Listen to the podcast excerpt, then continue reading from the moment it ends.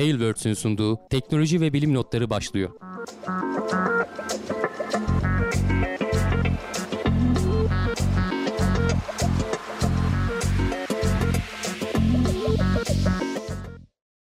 Teknoloji ve bilim notlarına hoş geldiniz. Ben Hamdi Kellecioğlu. Karşımda Cevdet Acarsoy var.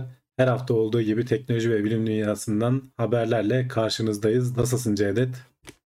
İyiyim Hamdi abi seni sormalı. Vallahi iyiyim. Bir an Volkan diyecektim alışkanlıkla. Cevdet demeyi son anda da düzelttim Allah'tan. Bir hataya kurban gitmedik. Çok sağ olasın. Volkan'ın bu hafta bir işi var arkadaşlar. O yüzden e, Cevdet boşluğu doldururum dedi. Vaktim var dedi. Sağ olsun geldi. Ee, az önce kuliste de konuşuyorduk. Artık son yayınlar zaten. Bu fırsatı değerlendirdin, değerlendirdin. Ondan sonra gerçi belli olmaz gene neler yapacağımız ama en azından bir süre e, dinlenme periyodu olacak. Bu arada da, da hani geçen haftalarda söylediğim gibi e, şeylerden takip etsinler sosyal medyadan. E, ne bileyim YouTube kanalı benim kendi adıma var ama hani orayı kullanır mıyım ne yaparım hiç bilmiyorum. Heykellecioğlu olarak her yerden siz takip edin arkadaşlar. Haberiniz olur. Belki bazen hani böyle haber yayınları yapmasak bile şey yaparız anlık böyle acil bir haber olur, ilginç bir haber olur. Tek başına onu konuşurum falan. O yüzden siz e, takip edin. E, nasılsın Cevdet? Evet. Seni nasılını sormadık. İşlerin nasıl? Nasıl gidiyor? İyiyim, güzel gidiyor. Doktoramı tamamladım e, gibi. Ya biraz şey tezi e, tamamlamak zaman alıyor ama kendi süreci tamamlandı. E, şimdi artık tezin işte okuma komitesine gidip e, de savunma günü alınması var. Savunmayı yapınca doktor ünvanını alıyorsunuz. O şekilde iyi gidiyor. Danışanlarımla birlikte buradaki, kliniğimde danışanları görmeye devam ediyorum, eee, terapi yapmaya. O şekilde güzel gidiyor, Şey oluyor mu? Savunmayı yaptık yapar yapmaz hemen sonucu belli oluyor mu? Nasıl o süreç? Eee, savunma anında burada şöyle, bazı ülkelerde savunmanın kendisi bir sınav, yani geçti kaldı olabiliyor. Hımm. Eee, Hollanda'da öyle değil. Hollanda'da tezi okuyor komite, işte profesörlerden oluşan. Onlar onay verirse zaten, eee, kesinleşiyor. Biraz Hımm. seremoniyel bir şey savunma. Eee, bir 15 dakikalık bir sürede halka açık, herkesin anlayacağı bu şekilde bir sunum yapıyorsunuz. Yani, işte, Hımm. bu 3,5 yıl ne yaptın doktoran, ne araştırdın, ne buldun, niye yaptın? Sonrasındaki 45 dakika boyunca da, işte, orada önünüzdeki şeyler var, eee, ne derler, rakip diyorlar onlar. İşte, profesörler var. Onlar size Evet, soru soruyorlar, terletiyorlar.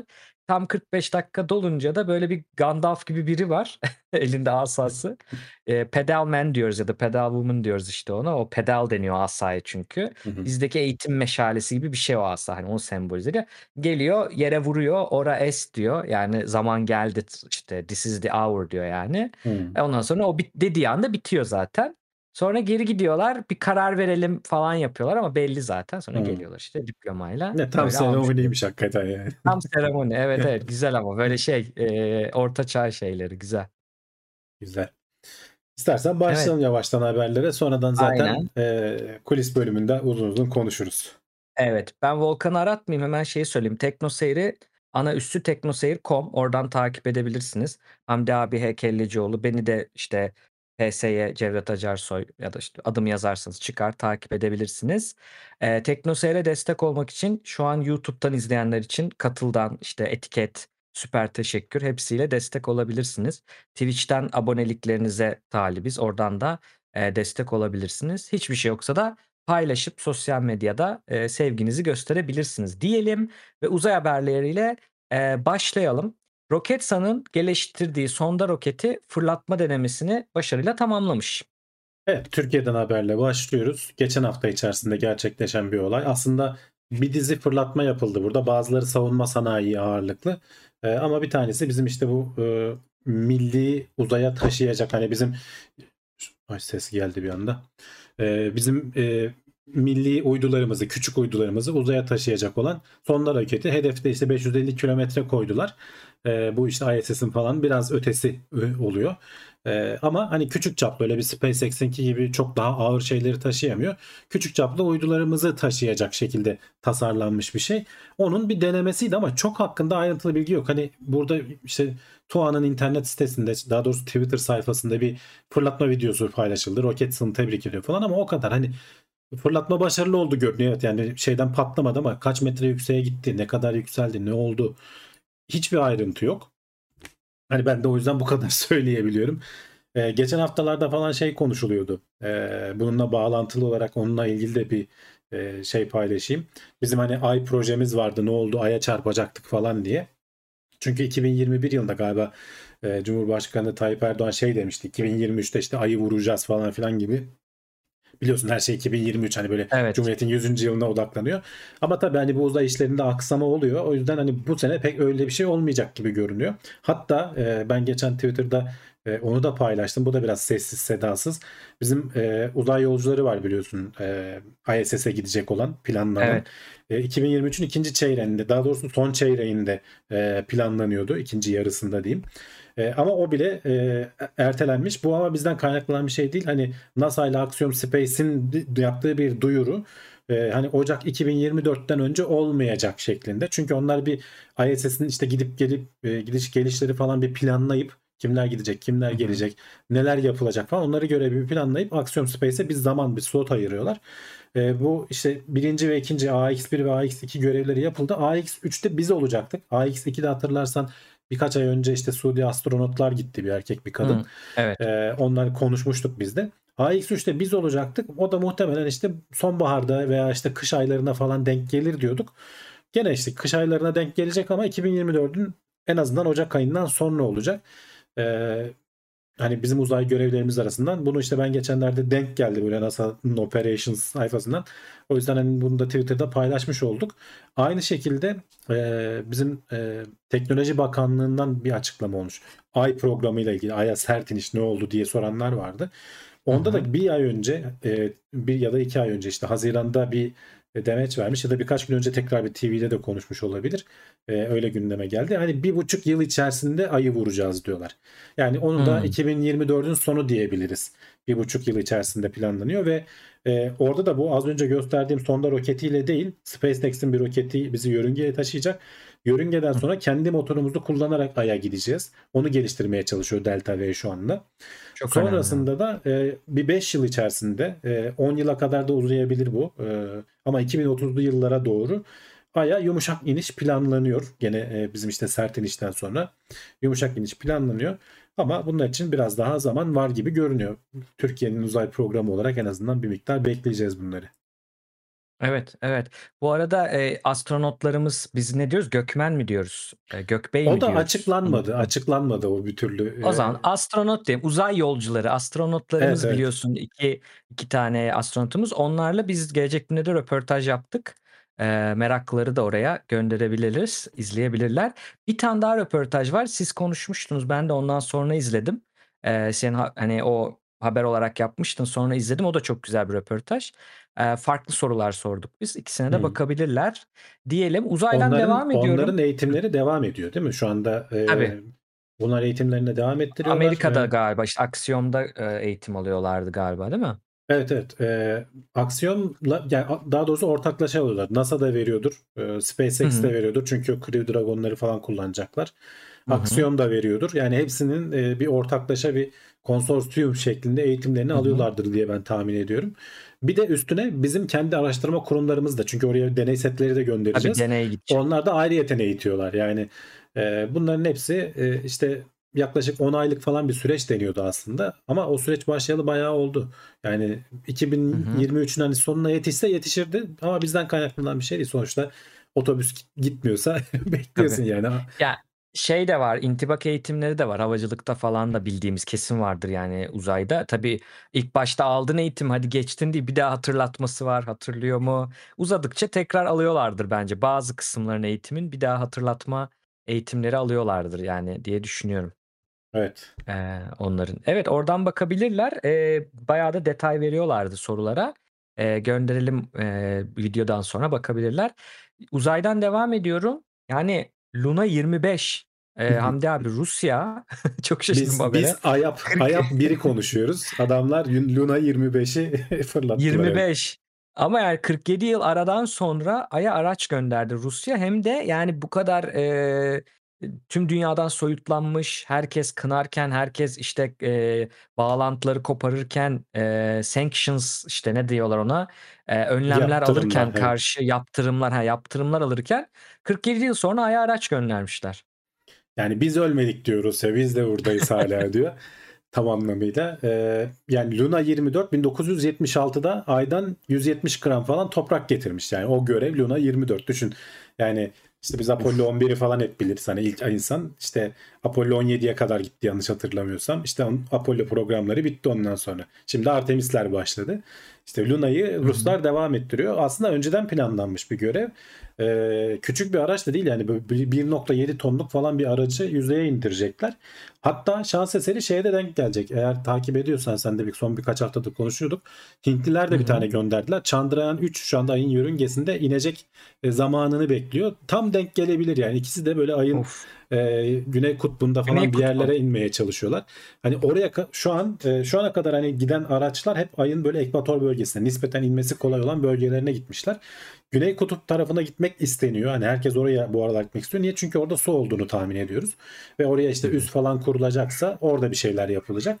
Ruslar da oraya ilk inen e, devlet olmak istiyorlar açıkçası. Yani Evet. e, eğer başarılı olabilirlerse. Şimdi 47 yıl geçtikten sonra da aslında bir yandan tamam tecrübem var ama hani bütün ekip gitmiş, bütün teknoloji değişmiş. Yani sanki sıfırdan iniyormuşsun gibi bir şey aslında. Yani Luna 25 deniyor ama bu yani işte atıyorum Ayap 1 gibi bir şey de diyebiliriz. Hani tamam tecrübe mutlaka Tabii. vardır. O isim mutlaka vardır ama her şey çok değişti. Dolayısıyla yani başarılı olacaklar mı Bir de, göreceğiz. e, dışarıdan malzeme alamıyorlar. Mesela işte bir kameradan bahsediyor haberde. Tabii. Kamerayı ESA verecekmiş, Avrupa Uzay Ajansı verecekmiş. Tabii vermiyor Ukrayna işgalinden sonra. Her şeyi kendi imkanlarıyla yapmaları gerekiyor. Ya bu e, görevi ben bekliyorum ya sonuna kadar yani inişine kadar. Eğer hiçbir sorunsuz yaparlarsa helal olsun diyeceğim. Çünkü dediğin gibi bir sürü know-how unutulmuş, kişiler gitmiş, teknoloji başka. E, yurt dışında işbirliği yapamıyorsun. Yani büyük ihtimalle bu şey için de geçerlidir. Tam bilemiyorum ama bu yaptırımlar. E, birisi gidip onlarla collaboration da yapamaz, işbirliği de yapamayacak. Yani Tabii, hani tabii. sırf materyal değil, bilgi de alamayabilir. O işin uzmanı var mesela yapacakları bir şeyin. Bu konuşamayabilir onunla. Yani bilgi şöyle alamayabilir. hani kimlerden alabiliyor şu an hani Rusların çalışabildikleri Çinlilerle Çin. çalışabiliyorlar. Hmm. Hintliler de çalışır ama hani onlar gelip gidiyor tam belli değil. Bazen batı tarafına kayıyorlar açıklamaları. Hı. Bazen. Ruslardan işte petrol alıyorlar falan ucuza bir şeyler yapıyorlar. Hani orada işin politikası dönüyor. Uzay Hı hı. işlerinde de kesin hani bir destek vesaire bir şeyler olabilir. Hani Çin ve Hint tarafından ama Avrupa ve Amerika tarafında kesinlikle herhangi bir şey yok. İşte dediğin gibi o, bunun iniş kamerasını hani yeri gözleyip de işte nereye ineceğini seçeceği kamerayı ESA sağlayacakmış. Bu işte savaştan sonra uzun hani bu Luna 25'in aslında bayağı bir ertelenmesine neden olmuş. Adamlar kamerayı vermeyeceğiz deyince Rusya bir şekilde kendi yapmayı becermiş veya artık e, sağdan soldan başka bir yerden satın mı aldı başka bir çözüm bulmuşlar. Ama işte e, Soyuz roketine koydular. Şimdi yolda. Hatta aya varmak üzeredir. Hani 5 günde yörüngeye oturacak diyorlar. İşte ayın 10'unda fırlatılmış. Yarın falan Hı hı. ayın yörüngesine girer. Bir 5 gün 7 gün yörüngede kaldıktan sonra iniş denemesine hani uygun yerleri bulduktan sonra iniş denemesine başlayacak. Çok beklemeyeceğiz yani. Önümüzdeki hafta değil en geç bir sonraki hafta içerisinde e, indim mi başarılı oldu mu olmadı mı Chandrayaan 3 ile birlikte Hintlilerle birlikte Rusları da konuşuyor oluruz yani açıkçası. Bakalım yani e, dediğim gibi küçük aletler değil E, bu şey gibi değil yani bu hani Japonların özel bir firması vardı E, neydi iSpace veya işte bu Hint e, şeylerin İsraillilerin özel firması vardı gene küçüktü onların araçları. Evet onlar da ya- şey çakılmıştı galiba değil mi? İkisi de İsrail'in? çakıldı evet. İkisi de başarısız Hı hı. oldu. Ee, ama şeyde Hintlilerinki de başarısız oldu ama Hintlilerinki de büyük, bu da büyük. Yani bunlar büyük çaplı Evet. araçlar. Ee, bunun- 1.6 ton yani. yani bir de yüzeye başarıyla indikten sonra bir sene falan boyunca şey çalışacak. Hani orada toprağı alıp üzerinde spektroskop falan filan var. Onlarla toprağın Hı hı. yapısını inceleyecek. Ne kadar su var falan bunlara bakacak. Yani o güney kutbuğa indirme istemelerinin sebebi bu. Ama tabii hani bunun devamı ne kadar gelir onu bilemiyorum. Çünkü hani insanlı görev dediğin zaman çünkü ayda tamam bir şeyler indiriliyor artık. Hani herkes Hı hı. neredeyse yapıyor. Ruslar açısından tamam hani biz ölmedik demek demek olabilir. Ee, hala Hı hı. aya erişebiliyoruz demek olabilir. Ama oraya insan göndermek artık asıl marifet. Onu da göreceğiz bakalım hani NASA bile Evet. 40-50 yıl sonra başarabilecek mi? İşte Çin e, şimdiye kadar çoğu şeyi iyi yaptı, iyi başardı. E, insan gönderebilecek mi? E, ay nispeten yakın bir yer yani. Hani biz Mars'tan falan bahsetmiyoruz. 50 yıl önce yaptığımız şeyi tekrar etmeye çalışıyoruz aslında. Evet, evet. Yani e, bir de teknoloji tabii çok ilerlemiş durumda. Evet. Rusya'nın orada tabii bilimsel taraftan da şöyle bir nokta var. Oradaki boşluğu buluyor. Yani diğerlerinin gittiği yere bir daha gitmek gibi bir şey değil. Aslında çok güzel bir yer hedefliyorlar. Hindistan da öyle. E, Güney Kutbu'ndaki su. Yani oradaki Tabii. su bulunursa e, işte e, orada kullanımları, oradaki diğer gelecekler, orada bulunacak şeylerin yani tamamen orası keşfedilmemiş bir alan. E, literatür boşluğu deriz biz ona. Yani o ala- bilimdeki orayı bilmiyoruz. Tam da oraya gitmiş. Yani e, güzel bir hamle aslında. Hı hı. Bilimsel olarak da böyle şey değil. İyi Rusya ta- hadi işte kanıtladı gibi değil. Oradan çıkacak veriler tüm dünyanın ilgileneceği veriler. Onlar da aslında onu diyor. Yani geride değil de en önde olalım. Biz bu işin e, yolunu açalım istiyoruz diyor. E, o yüzden aslında çok şey stratejik güzel bir hamle. Bakalım devamı Bu nasıl arada gelecek e, takip edeceğiz. Luna 26, 27 ve 28'de planlanmış. 26 yörüngeli Evet. bir araç gönderecekler. 27 ve 28'de gene e, 27'de işte toprağa deşe- delecek bir araç. 28'de de Hı hı. gene ayın bu sefer gene Güney Kutup bölgesinden parça getirecek. Yani toprak getirecek bir araç üzerinde planlamalar yapılıyor ama işte bakalım ne zaman olur. Önümüzdeki yıllarda takip ederiz. Evet, evet. Buradan şeye geçelim. Ee, yine Mars'a geçelim. Ee, Ingenuity bizim sevdiğimiz o küçük e, helikopterimiz. Ee, işte aslında neydi? 30 e, 30 günlük falan bir şey vardı. Kısa bir olayı vardı. Tabii Ee, tabii. ama hala 53. uçuşunu falan yapıyor. Hala 800 devam gün. ediyor. 800 gündür uçuyor. Ama acil bir iniş yapmak zorunda kalmış. İlk defa bir problem çıkmış. Nedir? Ee, ya aslında ufak ufak bazen problemler çıkıyor ama zaten artık yavaştan hani e, planlananın çok ötesine geçtiği için bir yerden sonra patlamasını da bekliyoruz. Son uçuşunda hı. 53. uçuşunda daha doğrusu sondan bir önceki çünkü 54'ü de yaptılar arada. Yaptı. Evet. 53. uçuşunda e, Land Now protokolü devreye girmiş. Yani acil in. Şu an ne olursa olsun in. Bulduğun yere kon şeklinde. Bu hani Protokolün adı da o yani. Land Evet, evet. alt now ya. Öyle koymuşlar. Bu muhtemelen hani araştırmaya devam ediyorlar ama tahminleri şu yönde. Daha önce 6. uçuşta da benzer bir şey yaşanmıştı.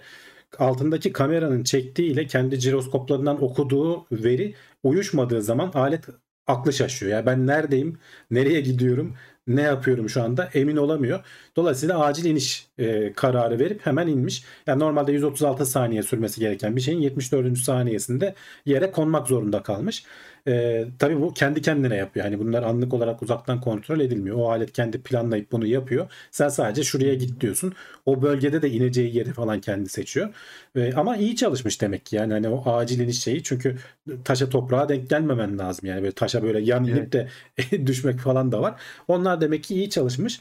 54. uçuş çok kısa bir uçuş. Hani aynı şey tekrarlanacak mı? Biraz yerden kaldırıyorlar. E, yaklaşık 25 saniye falan sonra tekrar indiriyorlar. Yani ilk baştaki ilk o ilk 3-5 uçuştaki Test gibi. denemeler gibi, test gibi ki hani tekrar bir sıkıntı yaşanacak mı, yaşanmayacak mı onu görmek için. E, 6. denemede de benzer bir şey olmuştu demiştim. Hatta onun şöyle bir görüntüsü falan da vardı. E, şurada hatta videosu var. E, alet böyle yalpalamaya başlıyor bir anda. E, bak şu anda ekranda o görülüyor. Biraz böyle kesik kesik geliyor ama şey anlayabiliyorsun. E, kendini salladığını anlayabiliyorsun. İşte Oo, o evet. e, üzerindeki e, bellekten falan bir e, gelmesi gereken resim gel- gelmiyor muydu, gecikiyor muydu? Öyle bir şey hesaplama hatasına neden oluyordu. Sonra bunun üzerine bir yama geçmişlerdi ve o yama işte 50. 53. uçuşa kadar sorunsuz bir şekilde geldi. E, bu bir yandan da e, şey diyorlar hani denemiş de olduk. Buradan da çok ciddi bir tecrübe edindik. Bunu 54. uçuşa da uyguladık. Hani tekrar etmediğini de gördük. Daha ayrıntılı inceleyip bundan sonraki uçuşlarda yollarına devam edecekler. Ama dediğim gibi hani bir yandan sonra da artık hani 5 kere uçmak için planlanan bir şey 50 küsürüncü uçuşa gelmiş yani. 30 gün Çok işte planlanan abi. 800. gün. Yani o pil eskiyor işte soğuk sıcak döngüleri falan vesaire. Aletin üzerindeki o dönen e, parçalar falan sıkıntıya girmeye başlıyor artık yavaş yavaş. Hı hı. Ee, yani bir yerden sonra belki bir anda haberi de gelecek yani bunu her uçuşundan sonra bekliyoruz ama tabii bu Evet. kritik bir şey yani 53. uçuşta bir anda böyle acil iniş yapmak zorunda kalması ama çok Ya bu bilinmedik bir durum zaten değil yani. bu bu cihaz zaten şey gibi gelmişti bana ilk zamanında. Bilmiyorum yanlışsam düzelt Hamdi abi. Hani e, asıl oraya gidecek olan e, Perseverance değil mi? Giden. Tabii. Yanlış hatırlamıyorsam. Ingenuity hani ya yerimiz de var böyle bir deney yapalım. Yani asıl Demoydu orada zaten uçacak tamamen. demoydu bu. Tabii Yani tabii demoydu. yanına koyalım uçuşuydu. Biz daha çok mesela Perseverance'dan çok Ingenuity konuşuyoruz. Çünkü hakikaten diğer rover rover hep gitmiş bir şey ya. Hani bu uçan bir şey ve Mars'ta ilk defa bir başka gezegende bir uçan bir cihazımız var. Powered flight bir de yani şey Tabii. gücüyle uçuyor, süzülme değil. Eee, çok böyle dikkat çekiyor. Kendi işte şeyi falan var ya, blogu var, Twitter şeyi var. Ama ımm, bu tabii onu unutmamak lazım. Yani bu deneme olsun gibi gitmiş bir şey. Bu amaçla gitmiş bir, eee, araç değil. Sanırım işte galiba, eee, Satürn'ün uydularından biri için, eee, eee, bu Firefly mıydı, Dragonfly mıydı? Böyle sadece Dragonfly. uçacak sadece uçacak görevler de yapılıyor. Yani onlar için müthiş bilgiler bunlar. Yani Tabii. başka bir gezegendeki uçuş karakteristiğiyle ilgili müthiş Satürn'ün bilgi şey Titan, gibi. Titan uydusu Titan için mi? düşünülüyor. Evet. Onun Evet, atmosferi de evet. çok kalın. Orada uçmak da nispeten kolay. Ee, ama çok daha uzak ve güneşten falan Tabii. daha uzak, daha soğuk. Yani onun da başka zorlukları var. Ee, ama buradan edindiğimiz tecrübe gelecek görevler için hani Mars için de aynı şekilde gelecek görevler için belki bir değil iki üç helikopter gönderilecek. Her biri belli bir yerlere gidecek falan yani. Evet, evet, evet. Emm, buradan şeye geçelim. Şimdi uyduları hep kullanıyoruz. İşte hani bizim hepimizin Mahmut Yalçın bu arada şey demiş. Kurşun yiyip ölmeyen Cüneyt Arkın gibi demiş. İçin. Doğru. Hakikaten ayakta kalmaya devam ediyor. Sendeleye sendeleye gidiyor bir şekilde. NASA bunu hep yapıyor ama yani çok düşük süre veriyor ya da düşük değil de gerçekçi bir süre veriyor ya da hani, eee, tutucu bir süre veriyor. Ondan sonra uzadıkça böyle başarı gibi Tabii, oluyor. tabii canım. Hâlbuki daha uzun bir süre dese diyecektik ya yarım kaldı falan. Mesela bu InSight'ta InSight öldü, kapandı. Eee, InSight'ın verilen süresinden önce mi kapandı yoksa Yok. sonra mı kapandı? O, o da uzun sürdü ama orada başarısız olan enstrümanlar oldu. Yani Evet, evet eee ama o bile yani, eee, planlanan süreden uzun çalıştı diyor yani. Hani Tabii, tabii. çok güzel bir aslında çerçeveleme yöntemi. Eee, buradan şeye geçelim. Uyduların yerine aslında, eee, havada sürekli kalabilen uçaklar kullanılabilir mi? Bunun daha çevreci olduğunu söylüyor haber. Ben böyle bir düşünmüyorum. Uydunun ne zararı olacak falan ama tabii şeyi unuttum yani gönderirken gürül salınan, gürül yakıyorsun eee orada. Tabii ki. Onları unuttum ben. Ya şey düşün yörüngede dolaşıyor kendi hani. Tamam, eee, yörünge düzeltme manevraları yapıyor ama bunlar çok küçük küçük yakıtlar olduğunu biliyorum. İşte en kötü bir de falan dedim. dünyaya düşerken falan tekrar yanıyordur falan. Evet. O da Ha, bir bir de miktar onlar katkı var. sağlıyordur. Ama yani uçak uçurmak ama sonra anladım ki uçaklar tabii şey yani güneş enerjisiyle falan böyle çok güzel, eee, neredeyse, eee, yenilenebilir enerjiyle uçan, sürekli enerji istemeyen, eee, uçaklar olduğu için, eee, böyle bir haber böyle bir fikir çıkmış aslında ortaya. Çok da yakın diyorlar. Evet, resimde bu gösterdiğin. Nasıl oluyor? eee, bir videosu da var. Onu da koydum şimdi. Şimdi Faza 35 diye bir uydu. Bunun bir de Airbus'un yaptığı Zephyr, Zephyrus muydu? Zephyr mi? Öyle bir tane daha bir benzeri de var. Yani iki firma var şu anda. Bayer Systems'ın bu. Eee, ikisi de İngiliz eee, ve işte Avrupa asıllı diyelim. Bunlar yarışıyorlar. Şimdi eee, bunların uçtuğu yerde çok yüksek irtifalarda. Hani stratosfer seviyesinde ne, ne kadar dersek işte yaklaşık 25-30 kilometre falan yükseklikte uçuyorlar. Orada atmosfer son derece ince. Dolayısıyla çok hafif olmaları lazım. Kanat açıklığı 35 metre falan bu aletin. Yani e, alet zaten sadece neredeyse kanattan oluşuyor. E, ve o kanadın üstü tamamen güneş panelleriyle kaplı. O seviyede, o yükseklikte e, herhangi bir bulut falan olmadığı için güneşi doğrudan alıyor. Üzerine yerleştirdikleri pillerle falan da gündüz aldığı güneşi gece boyunca uçacak şekilde enerjisini saklayabiliyor. Ee, bunu üzerine işte gene şey yerleştirerek işte işte ne bileyim kamera yerleştirirsen yerin fotoğraflarını çekebilirsin. İşte eğer Starlink gibi bir ara- araç yapacaksan iletişim için kullanabilirsin. Senin dediğin gibi hani burada e, bunların avantajlarından biri dünyaya yakın olmaları. Hani gerektiği zaman alet kendi kendine zaten Biosystems en son e, New Mexico'da denemiş. 24 saat uçurmuşlar. Sonra da kendisi dünyaya e, normal bir şekilde havaalanına gelip inmiş. Hani bakım zamanı geldiğinde de bunları dünyaya çağırıp şeye çağırıp e, havaalanına çağırıp gel e, bakımını yap geri gönder şeklinde tasarlayabilirsin. Bunlar hiç yere inmeyecek şekilde düşünülüyor. Yani illaki inecekler ama hani e, Zephyrus galiba yanlış hatırlamıyorsam e, 64 gün mü ne uçmuş. E, hani Of. Airbus bunun ciddi rakibi. 64 günlük bir e, uçuş süresi var. Alet yani hakikaten bir kere gönderiyorsun 2 ay boyunca havada kalıyor. Bir e, dediğim gibi şey için kullanılabilir. E, askeri amaçla kullanılabilir. Hani askeri uydular vesaireler falan var ama bunların hepsini göndermesi bir uydu çöplüğü yaratıyorsun. Böyle bir sorunumuz Hı hı. var. E, Starlink'i gönderiyoruz böyle 4000 küsur uyduyu geçti adamlar. Habire gönderirken bak burada basit bir hesap var bu şeyin üzerinde. Şimdiye Hı hı. kadar işte bir Falcon 9 roketinin fırlatılması, fırlatılması sırasında 336.552 kilogram karbondioksit salınıyor diyor. Bu da Evet. diyor yörüngeye, alçak dünya yörüngesine hani 22.800 kiloluk bir yük taşımak için. Hani 4000 tane e, şey için üzerinden hesaplarsak diyor adam. Şu anda Starlink'in bize karbon maliyeti, atmosfere saldığı karbondioksit 15.4 milyon kilogram. Hani bu çok mudur az mıdır bilmiyorum açıkçası. Hani şeye bakmak lazım. Böyle e, dünya da çok büyük olduğu için hani karşılaştırmak Hı hı. lazım. Ama sonuçta hani sıfır olsa daha iyi. Yani Starlink'in e, tamam uyduların da kendine göre avantajları var ama bu aletler de bu sektörü, bu uydu sektörü çünkü oraya girmek isteyen pek çok firma var şimdi. OneWeb var, işte Kuiper var Amazon'un. Çinliler ayrı bir fırlatacağız diyorlar. Hintliler kendi projelerini yapıyorlar. Yani herkes bir uydudan bir şey dünyaya internet verme derdinde şu anda. Belki bunlara gerek kalmayacak. Yani bu e, uçakların avantajlarından biri işte dünyaya yakın olmaları, gerektiği zaman bakını yapabiliyorsun. Ucuz olmaları, maliyetleri çok daha az. E, bu Evet. bir tanesinin e, şeyi, bu Starlink'in bir tanesinin maliyeti 220 bin dolar mı? 250 bin dolar mı ne? Yani bu uçaklar Hı hı. çok daha düşük olacak diyor. Hem bakımıyla hem de istediğin yöne e, uçağı yönlendirebiliyorsun. Şimdi uyduları da yönlendiriyorsun ama o böyle kompleks. Sonuçta uydu sürekli dönmek zorunda olduğu için zor manevralardan sonra her an istediğin yeri Evet. göremeyebiliyorsun. Veya görmek için Başkasıyla işte çarpacak mı? Ya bir de her istediğin yere götüremiyorsun. o da var veya işte dünya hani sadece Türkiye olduğu bölgeyi görmek istiyorum diyorsan bu sefer geosenkron orbite göndermen, yörüngeye göndermen lazım. Hı hı. 30 bin kilometre uzak. uzakta. Şimdi bu 25 kilometreden bunun üzerine koyacağın kamera böyle cam gibi gösterir yani aşağıyı. Hı hı. Şimdi Hı 30 bin hı. kilometreden hani çözünürlüğü yakalamaya çalışmak var. Yani bu aslında Mesafe tamamlayıcı bir şey olabilir. Gecikme Tabii. süreleri de düşüyor. Ne Ve yapıyorsanız yapın. ve Yani ben bunu bir- haber olarak almamın sebebi e, Türkiye de bunu buna girebilir. Bu işlere girebilir. Hı Hani hı. bizim biliyorsun bu e, drone konusunda fena değiliz yani dünyada parmakla gösterilebilecek ülkelerden biriyiz. Neden olmasın? Yani illa uyduyla e, uzaya erişeceğiz diye kasmanın bir manası yok. Türkiye'nin bu bulunduğu bölgeyi sen bunlarla yani bir tanesi hani bizim zaten şimdi yaptıklarımız birkaç gün havada kalabiliyor. O ankalar falan bayağı uzun havada kalabiliyorlar ama Hı hı. yakıtlı onlar. Yani bu alet bayağı hı. bildiğin güneşten e, sen gönderiyorsun. 64 gün ya bu işte Airbus'un e, Zephyrus şeyi bayağı iyi yani. E, Ya bunu yapabilecek bir sürü ben üniversite e, bölümleri hatta kulüpleri tanıyorum yani Hı düşünüyorum.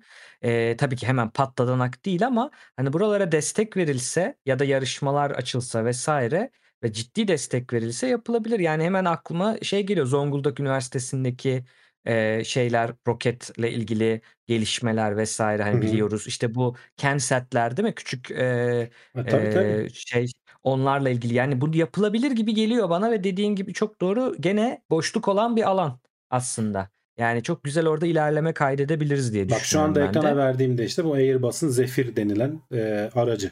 İlk uçuşuymuş bu.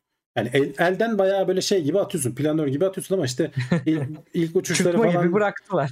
Aynen ilk uçuşları falan yaptıktan sonra ama işte bu artık bir yerden sonra çünkü bu bir kere zaten gittiği zaman alet kaptırıp gidiyor ya stratosfere çıkıyor düşünsene yani. İşte Sürekli şeyleri güneş çözmen lazım. Ee, elektrik motoru şeyi döndürüyor. çözmeye Salınımı çalışıyorlar. Bu faza 35'te falan şeyi çözmeye çalışıyorlar. Oraya çıkana kadar bu türbülanslardan vesaireden falan etkilenmemek için dönerken de çıkarken de Hı hı. olabildiğince atmosfer olaylarını tahmin edip onlara bulaşmadan çünkü çok böyle ha- hassas hani kanatlarını falan hareketlerini de görebilirsin böyle 35 metre kanat yapınca biraz böyle malzeme bilimi falan da hafif olsun diye de yani şey yapıyorsun özel Hı hı. karbon fiberden vesaireden falan yapıyorsun çok da dayanıklı değiller yani çünkü gittikleri yer hani orada öyle çok hava olayları belki aşırı sert değil ama gidene kadar dayanması lazım onların hesabını falan yapmak zor aslında muhtemelen. Evet, Yapılmayacak bir evet. şey değil. Güzel projeler. Ee, ve şey de diyorlar hani bu e, gelecekte Starlink vesaire falan gibi şeylerin e, ne denir E, ticari şeyini bayağı etkileyebilir. Sıkıntı haline getirebilir diyorlar. Tabii ki onların da kendine göre avantajları var. Şimdi bunu mesela askeri amaçla kullanacaksan bunu vurmak nispeten daha kolay.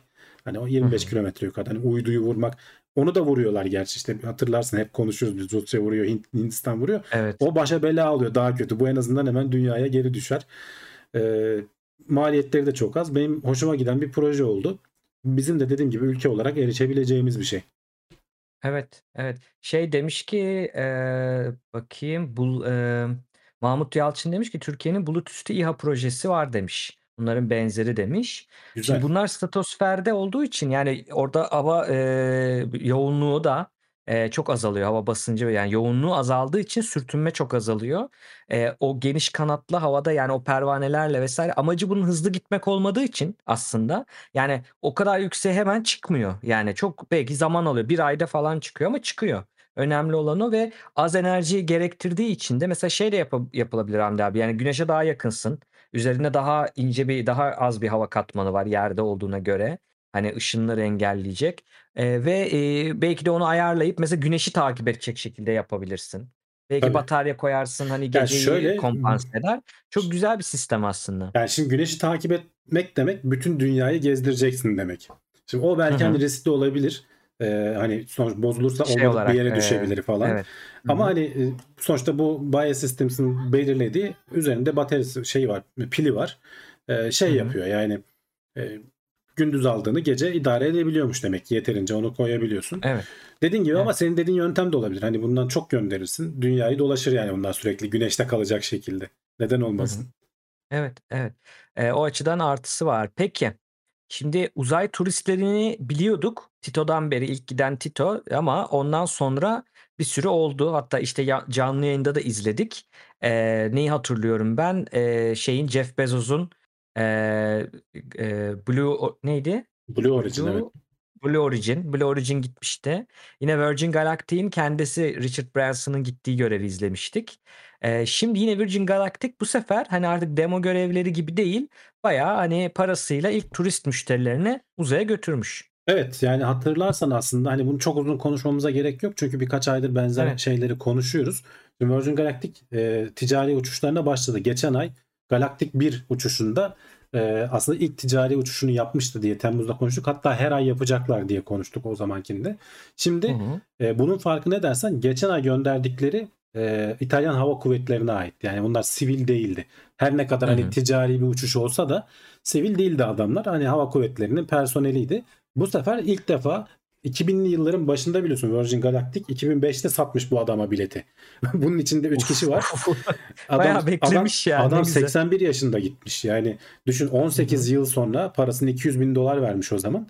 200 bin dolar verdiği biletin karşılığını 18 yıl sonra Allah'tan ölmemiş dayatta kalmış adam. Eee, O zamanın $200.000 daha iyi ama güzel fiyata almış. Evet daha ucuza pahalı. ucuza gitmiş aslında yani şimdi iyi iyi yatırım hani 18 yıl. Gerçi Evet. 2000 2000 yılında işte ne bileyim o zamanki hisseleri alsan ve hiç dokunmasan kim bilir ne olurdu o para öyle de düşünmek lazım. Evet. Dolayısıyla hani iyi yatırım olmayabilir. Ama neyse karşılığını almış bir şekilde sonuçta gitmiş gelmiş.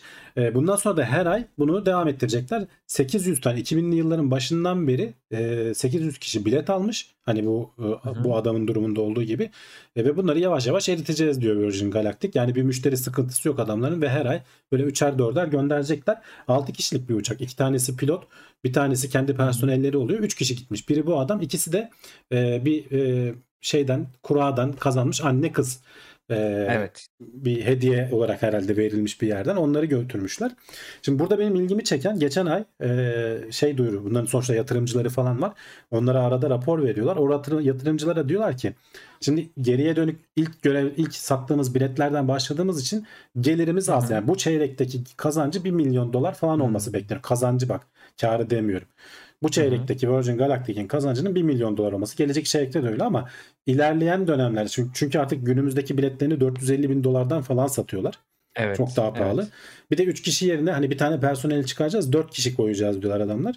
Ee, ve hani uçuş başına 600 bin dolar kazanabiliriz diyorlar. 600 bin dolar gelir elde edebiliriz. 4 kişiye çıkarsak hı. da bu gelir 800 bin dolara çıkar diyorlar. Yani şey bu ilgincime gitti benim hani haber olarak yoksa aslında artık bundan sonra her ay her ay Virgin Evet. Galactic'in böyle e, şeyleri uçuşları e, kaza bela almasa çok da gündeme gelmez yani inşallah olmaz öyle bir şey. Evet. Hani Galactic 01 02 03 diye gider onlar. E, ama bu e, işin m, hani ticari boyutu falan da benim ilgimi çekiyor. Çünkü sonuçta bir şeyin sürdürülebilir olması için ekonomik kısmının mutlaka düşünülmesi lazım. Bu adamlar bunu hayır olsun diye yapmıyor. Adam Richard Branson 20 yıldır geliştirmeye uğraşıyor düşün bunu yani. Evet. Cebinden para koyuyor. Arada bir durdu, problem çıktı. Yani onun bayağı bir Tabii hani tabii. biz bunu gördüğümüz oldu, değil, göreli kazalar Tabii. yaşandı. Tabii. Öyle şeyler olunca zaten bayağı bir durdurup işte onun, emm, soruşturmalarıyla falan o çok geciktiren bir şey. Eee, ama farklı bir yol izlemeleri ilginç. e, bayağı önce uçakla çıkarıyor. E, 45 bin feet'e çıkarıyor ki 45 bin feet de yani aslında çok şey bir yani normal uçaklarla çıkılabilecek de bir yani askeri uçakları kastediyorum. Çıkılabilecek bir yükseklik. Çok aşırı uzak yani böyle e, şey değil. Hı. De, deminki uçaklar gibi stratosfer falan o kadar değil. E, ve 45 binden sonra roketi ateşlediği için aslında çok büyük bir yeri kurtarmış oluyor. Değişik bir yapı. Evet. O rok- o uçak geri iniyor. Onu oraya çıkaran işte iki gövdeli uçak aşağı iniyor. Bu da geri indiğinde uçak gibi iniyor. Tekrar tekrar kullanılabiliyor. Belki daha ucuza getiriyor diğer yöntemlere göre, rokete göre. Ee, böyle de bir ilginç bir bakış açısı. Benim Ya burada dikkatimi çeken Filolarını Hı. geliştirmeyi planlıyorlar. Hani şu anda bir tane ha, uçaklar bir sürü var. olacak. Tabii Evet. bir sürü uçak olacak. Bunlar böyle vızır vızır gidip ya şimdi ayda bir yapacaklar. Belki yarın bir gün haftada bire inecek. O günde bire inecek günün birinde de. Evet. Evet, evet. Benim burada dikkatimi çeker gidenlerin e, ana kız ve annesinin e, yaşam koçu olması. Hamdi abi böyle facepalm yaptım. Yaşam koçu gitmiş ve şey diyor ya işte dünya yuvarlak gördüm ve gelince işte bunu müşterilerime e, benim diyor yani yaşam koçu işimi de çok güzel etkileyecek diyor yani. Aa, tabii Şimdi canım. onun e, saatlik ücretleri uçar yani hani uzaya gitmiş gelmiş artık. O ülkenin Oradan ilk uzaya giden uzaydan insanı bu arada. Bir tam ha, hatırlayamadım. o, Bir o, ülkeydi. o kısmı güzel söyleyeyim e, Antigua. E, Antigua Barbuda e, diye geçer. E. Kara, Kara, Karayip ülkesi. O çok önemli aslında. Çünkü bu e, şeyi de yapan am, e, kurayı da yapan işte o piyango gibi yapan aslında parasını bir filantropist veriyor. Diyor ki parasını ben verdim ben gitmeyeceğim. Kurayla birini gönderelim. Hani böylece de daha çok insana e, uzay erişilebilir olsun diye. Yoksa kendi başlarına hani gidebilecek bir durumları yok. Bu arada e, anne kız olarak uzaya giden ilk kişi, ilk iki kişi oluyor. Öyle bir ilkleri var o açıdan. Ama mesleği öyle. Sonra dedim ki yani dedim bir psikolog gitmemiş midir uzaya falan. Biraz oturdum onu araştırdım. Ama gidenlerin meslekleri çok fazla yok yani internette bulamadım. Şeyleri biliyoruz hani öğretmen, işte jeolog, bil, yani bilim insanlarından gidenler var ama bir psikolog gitmiş mi hiç bilmiyorum. Ama bir yaşam koçu gitti arkadaşlar. Haberiniz olsun yani. Onu Ya söyleyeyim. bunlar gitgide daha alışın standart haline gelecek yani. Çünkü gördüğün gibi firma sayısı artıyor. Hep konuşuyoruz işte Blue. Origin var, Virgin Galactic var. Yarın bir gün geçmişte konuşmuştuk. Balonlarla falan götürenler olacak. Yani bunlar uzayın sınırına kadar götürüp geri getiriyorlar seni. Evet. Gerçekten hani uzaya gitmek istiyorsan da SpaceX'e parasını veriyorsun işte veya bu aksiyon görevlerine parasını veriyorsun. Onlar seni götürüyorlar ISS'e falan vesaire. İleride onlar da daha da sıradan hale gelecek. Bu özel ticari Tabii. e, uzay istasyonları falan olduğu zaman ona biraz daha zaman var. Bir de tabii daha maliyetli. O çok daha çünkü harbiden uzaya gidiyorsun. Bunlar sınıra götürüp geri getiriyor seni. Kısa da sürüyor zaten nispeten e, şeylere göre, diğer öteki Evet. görevlere göre. Ama hani bu işin önü açıldı. Yani bunun ticari şeyi kar edebilir hale geldikten sonra, kendi kendine döndürebilir hale geldikten sonra bu işin e, şeyi yok, bir sınırı yok. Tabii. Buradan yine başka bir konuya geçelim. Uzaydan artık dünyaya inelim ama yine böyle e, nasıl diyeyim fütüristik bir e, önemli bir konu. Süper iletken e, maddeleri biliyorsunuz var. Bir sürü maddede var ve e, bunların değişik özellikleri var. Yani mesela işte içinden geçen e, akımı hiçbir şekilde bir dirence uğratmadan hani süper iletken bir şekilde aktarabiliyor. Levitasyon özellikleri vesaire oluyor ama bunların ya yüksek basınç ya da sıcaklık ya da ikisi birden şey düşük sıcaklık veya yüksek basınçta olması gerekiyor. Ama oda sıcaklığında süper iletken olduğu iddia edilen belki herkes biliyordur izleyenlerimizden bir madde ortaya çıktı LK99. Ee, işte Twitter'da falan döndü videoları. Bu malzeme nedir Hamdi abi? Böyle bir şey gerçekten var mı? Yani bu aslında fikri takip haberi. Biz bunu iki haftadır konuşuyoruz. İlk çıktığı hı. haftadan beri e, heyecanla bekliyoruz açıkçası. Ama açıkçası her hafta geçtikçe de biraz biraz e, beklentilerimiz böyle negatife doğru kaymaya başlıyor. Çünkü bir türlü hı. şey yapamadılar. Hani şu anda pek çok o zaman da geçen hafta da söylemiştim. Pek çok üniversitede bilim insanları işte özel girişimler bu adamların söylediği şekilde bu aleti e, bu maddeyi tekrardan sentezlemeye çalışıyorlar ama Hı olmadı.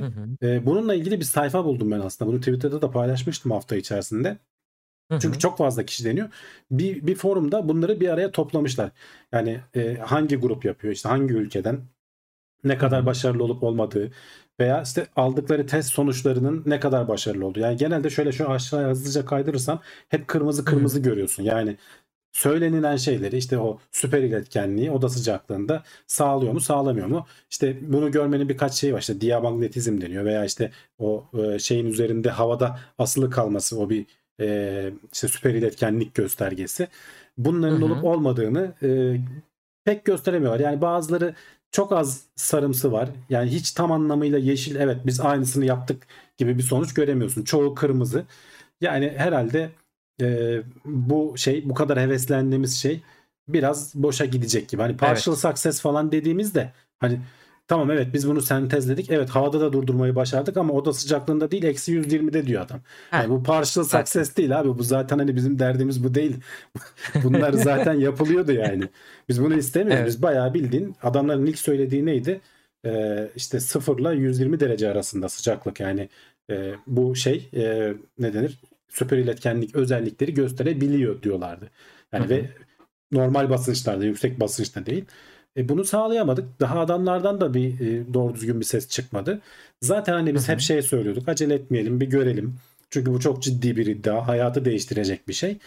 E, Hı hı. ama yani dediğim gibi gün geçtikçe biraz böyle aşağı doğru iniyor şey Evet. beklentilerimiz. Ya o bizim için tabii. Yani fizik camiası için şimdi haberi okuduğumuzda zaten bu arada gelecek bilimde de bir fizik doktorası yapan bir arkadaşımızla Burak röportaj yaptı bu konuda.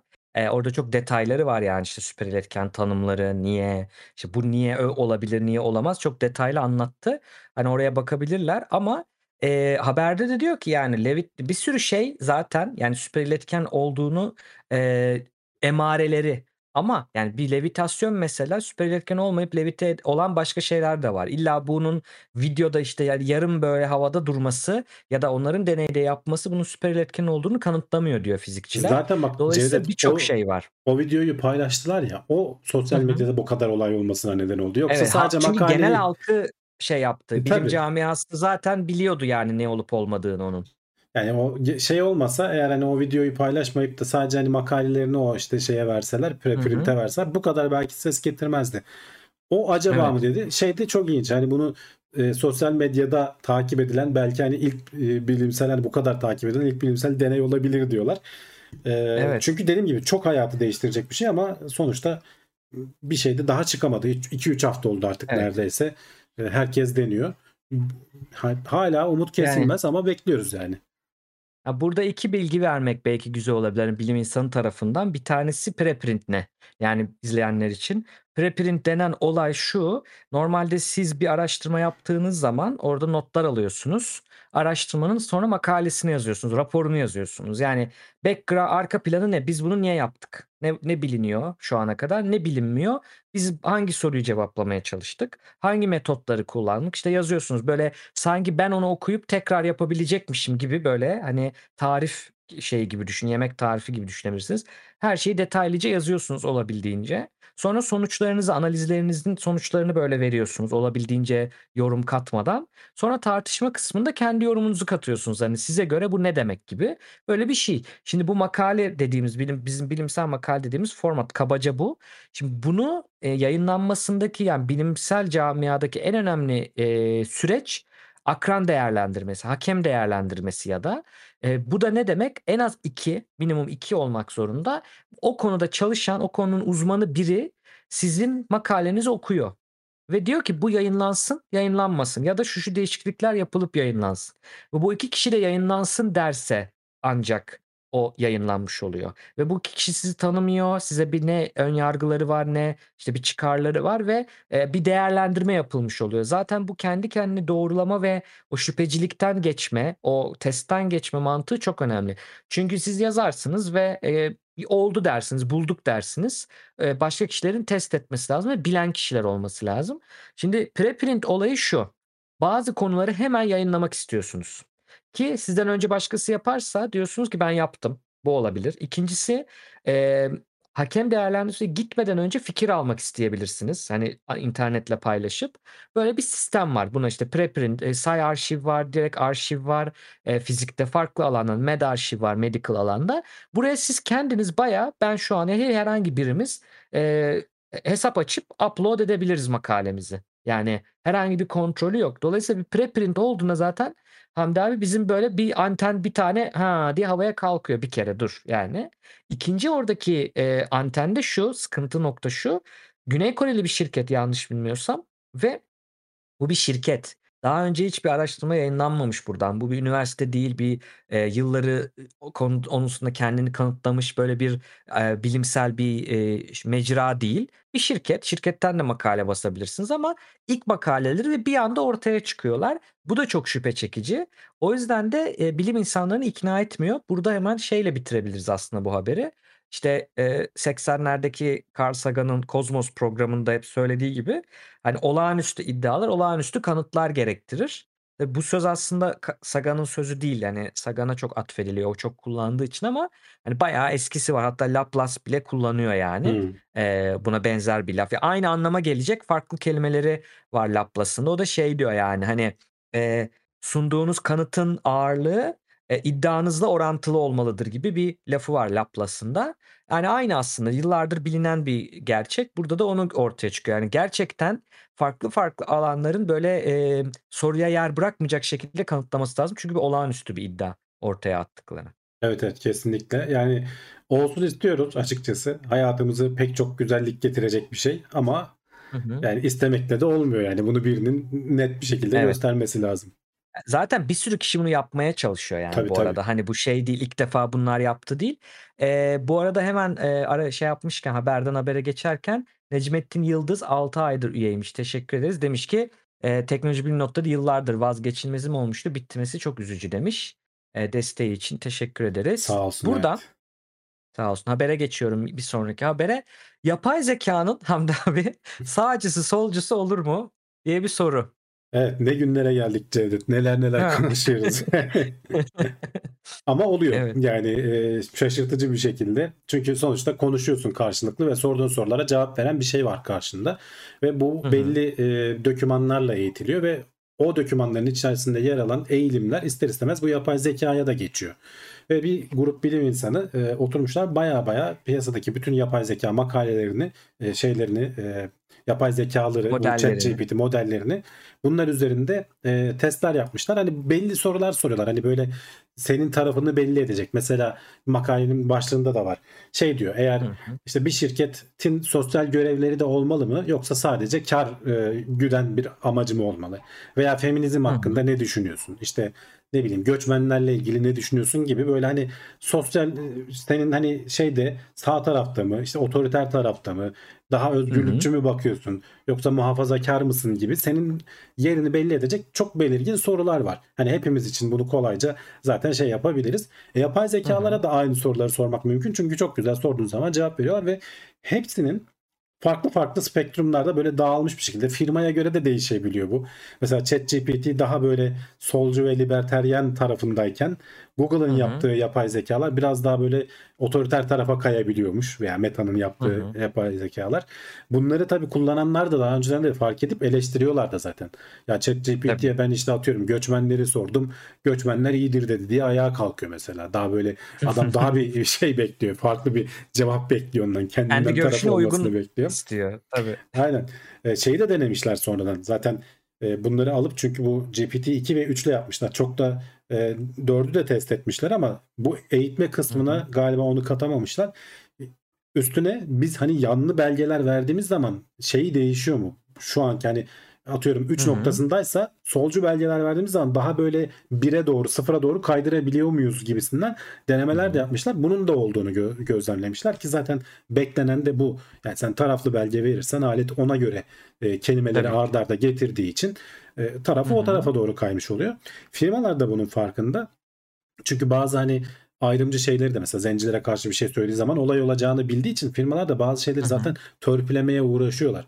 Olabildiğince böyle e, ya bak ben yapay zekayım bu konulardan da pek anlamam falan gibi şeyler söylüyor sana. Hatta o yüzden mesela Evet. ChatGPT'ye şimdi şeyler ekleyebiliyorsun. Böyle sorunu sormadan önce seni tanısın diye bazı promptlar falan ekleyebiliyorsun. Geçen haftalarda hı. çıktı yeni bir özellik. Oraya da söylüyorsun bana yapay zekayım deme falan diyenler var mesela. Yani bana Ha, doğrudan cevap evet. ver falan yani bana yapay zekayım katlı crap diyor yani hani bunu bunu O klasik şey diyor. verme bana diyor yani. Evet. Evet Evet. evet yani Evet. bana bunu verme diyor.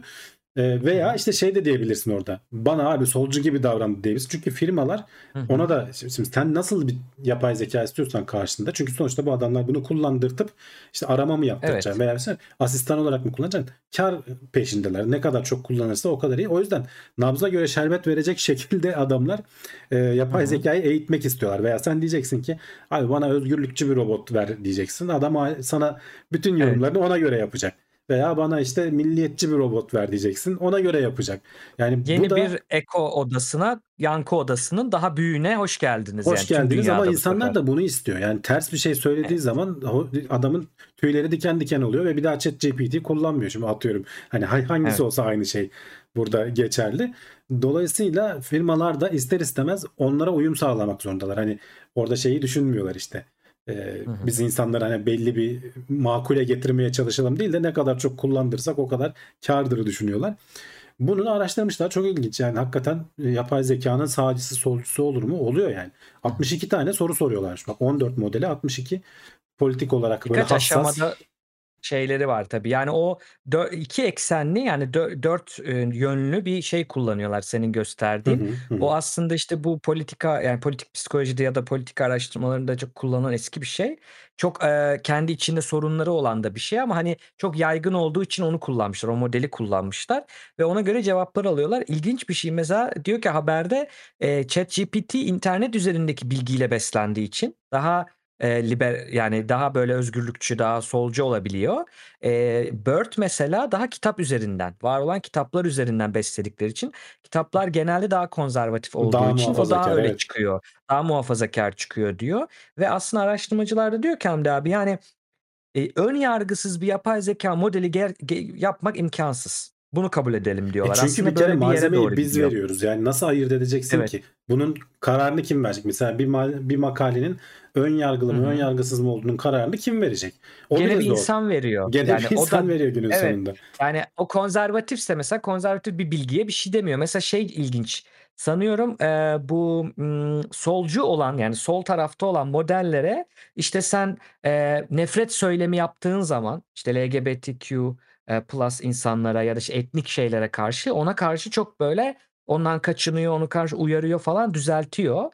E, ama e, şeylere e, daha böyle sağcı gruplar, gru- sağcı olan yapay zekalar diyeyim öyle olan modellerde de mesela işte Hristiyanlara bir laf ettiğin zaman o hassaslaşıyor. Yani kendi onların kafasında da şey di- diyoruz ya dediğin gibi yani onun mühendisleri belli alanlardan kaçın diyor. Ne bileyim bomba tarifi istediğin zaman vermiyor ya.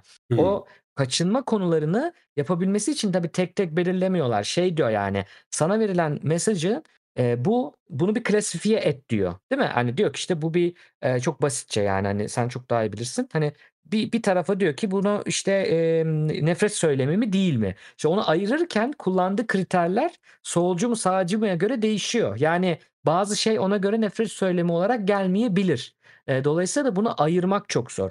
E, diyorlar ki bu eğittiğimiz setler o kadar büyük setler ki biz bunun içinden e, neleri çıkaracağız? Yani neye göre Tabii. çekip çıkaracağız bir kere? Öyle bir durum var. E, mesela Elon Musk diyor ki Truth GPT falan. Yani Elon Musk iyice is- Donald isim, Trump'a dönüşmeye isimde evet başladı. evet hakikaten zaten onu da destekliyor. Yavaş yavaş gidiyor. Evet. Ya şöyle Yani- şimdi bunlar çok ince hassas konular. Yani mesela nefret Evet. söyleminin tanımı bile tam anlamıyla oturup anlaşamıyorsun. Bazı şeyler ne- nefret söylemi mi değil mi veya ifade özgürlüğüne girer mi girmez mi? Bazı konularda bunların yani öyle noktalara geliyor ki ben kendim hani oturup düşündüğümde karar veremiyorum. Lan bu olur mu olmaz mı? Hı hı. Çok hassas Hı. konular yani hakikaten. E, ister istemez de bunları hani bu firmaların üstüne yıkmak da e, çözüm değil. Çünkü yapamayacaklar belli ki. Hani bu- Hükümetlerin bunu regüle etmesi lazım Mesela biz bunu yani. nerede yaşıyoruz? Ee, Bizim ben bunun hı. zorluklarını mesela biz teknoseyir sosyal ağda da yaşadık bunu. Şimdi insanlar da e, öyle bir şekilde yazıyor ki mesela bazı şeyleri biz yasakladık orada. Ama işte mesela hı. karar veremiyorsun. Ya bu acaba bizim o şeye girer mi girmez mi? Öyle durumda mesela biz hani e, hep muhafazakar tarafta olup yani onların top komple silmeyi tercih ettik. Ama mesela işte bunun büyük çaplısını düşün. Twitter falan altından oldukça zorlanıyor kalkmakta. Bunu otomatize edemiyorsun da işte bu chat GPT'ler falan oralardaki işleri biraz hafifletecek diye düşünüyoruz. Ama belki de edemeyecek o kadar da. Çünkü çok zor yani bunların kararının verilmesi. Ya buradaki sorun benim gördüğüm sorun hükümetlerin tüm dünyada yani bürokrasinin ya da resmi kurumların hala boomer kafasında olması ve yakalayamamış olması. Yani özellikle de yani kurumlardaki işte çalışanları kastetmiyorum. Onları hemen işe alırsın. En gencini, en işte ya da genç olmak zorunda değil de yani en böyle bunları bilen kafadaki kişileri alırsın ama onlar seçilemiyor. Seçilemediği için karar verme merciindeki kişi- kişilerin için bunu anlayamıyorlar. Bunu en güzel şeyde gördük yani Elon Musk'ı galiba yine şeyi çağırdılar. Zuckerberg'i çağırmışlar diyor bu Cambridge Analytica'dan sonra. Yani Evet. onu açın izleyin. Hani birazcık böyle teknoloji tekno seyir izleyicisi orada gülmekten ölür yani. Adamların sordukları sorular kafalarını basmaması, anlamaması. Şimdi öyle bir grup orayı regüle edemez. Ya ben yaptım der geçer.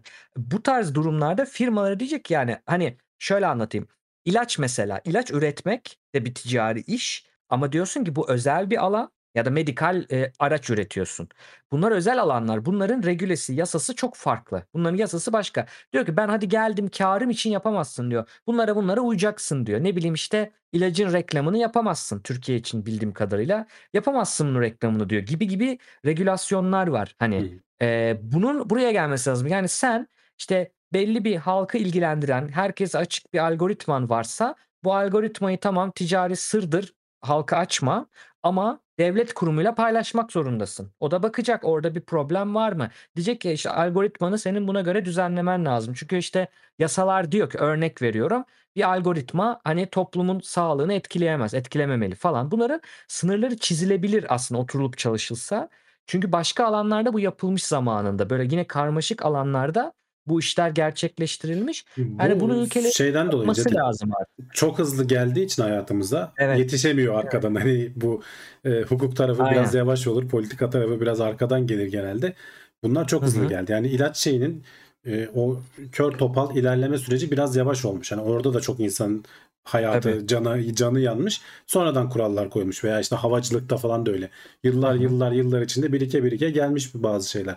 Şimdi bu bir anda hı. geldi ve bir anda bütün etkisini ihtişamıyla gördük ve şeyi de hızlı bir şekilde gidiyor. Gelişmesi de çok hızlı bir şekilde devam ediyor. Ee, o yüzden hani bilim insanları ya bir buna 6 aylık bir pause koyalım, bir durduralım, Evet. hani bir şey yapmayalım diye bir pek çok kişi yazdı. Aceleniz yok yani o kadar bir rahat bir durup bakılması lazım. Yani e, gelişme için gelişme olayı çok yanlış bir şey aslında. Yani e, çok sıkıntı yaratacak. Yani Matrix'i izlemediniz mi ya? Aynı Matrix'te mi izlemediniz arkadaşlar? Yani bu mühendislere yani patronlar bunu bilmesi lazım. Bir durun, bir rahat olun yani artık.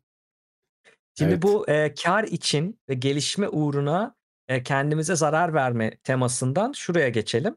E, Amerika'daki işte ormanlıkla ormanla ilgili orman korumayla ilgili kurum demiş ki yakın gelecekte Amerika'nın ormanları 2070 galiba ormanlar karbon tutmak yerine normalde ormanlar biliyorsunuz havadaki karbondioksit alıyor. Onun yerine karbon salınımı yapacak hale gelebilir demiş.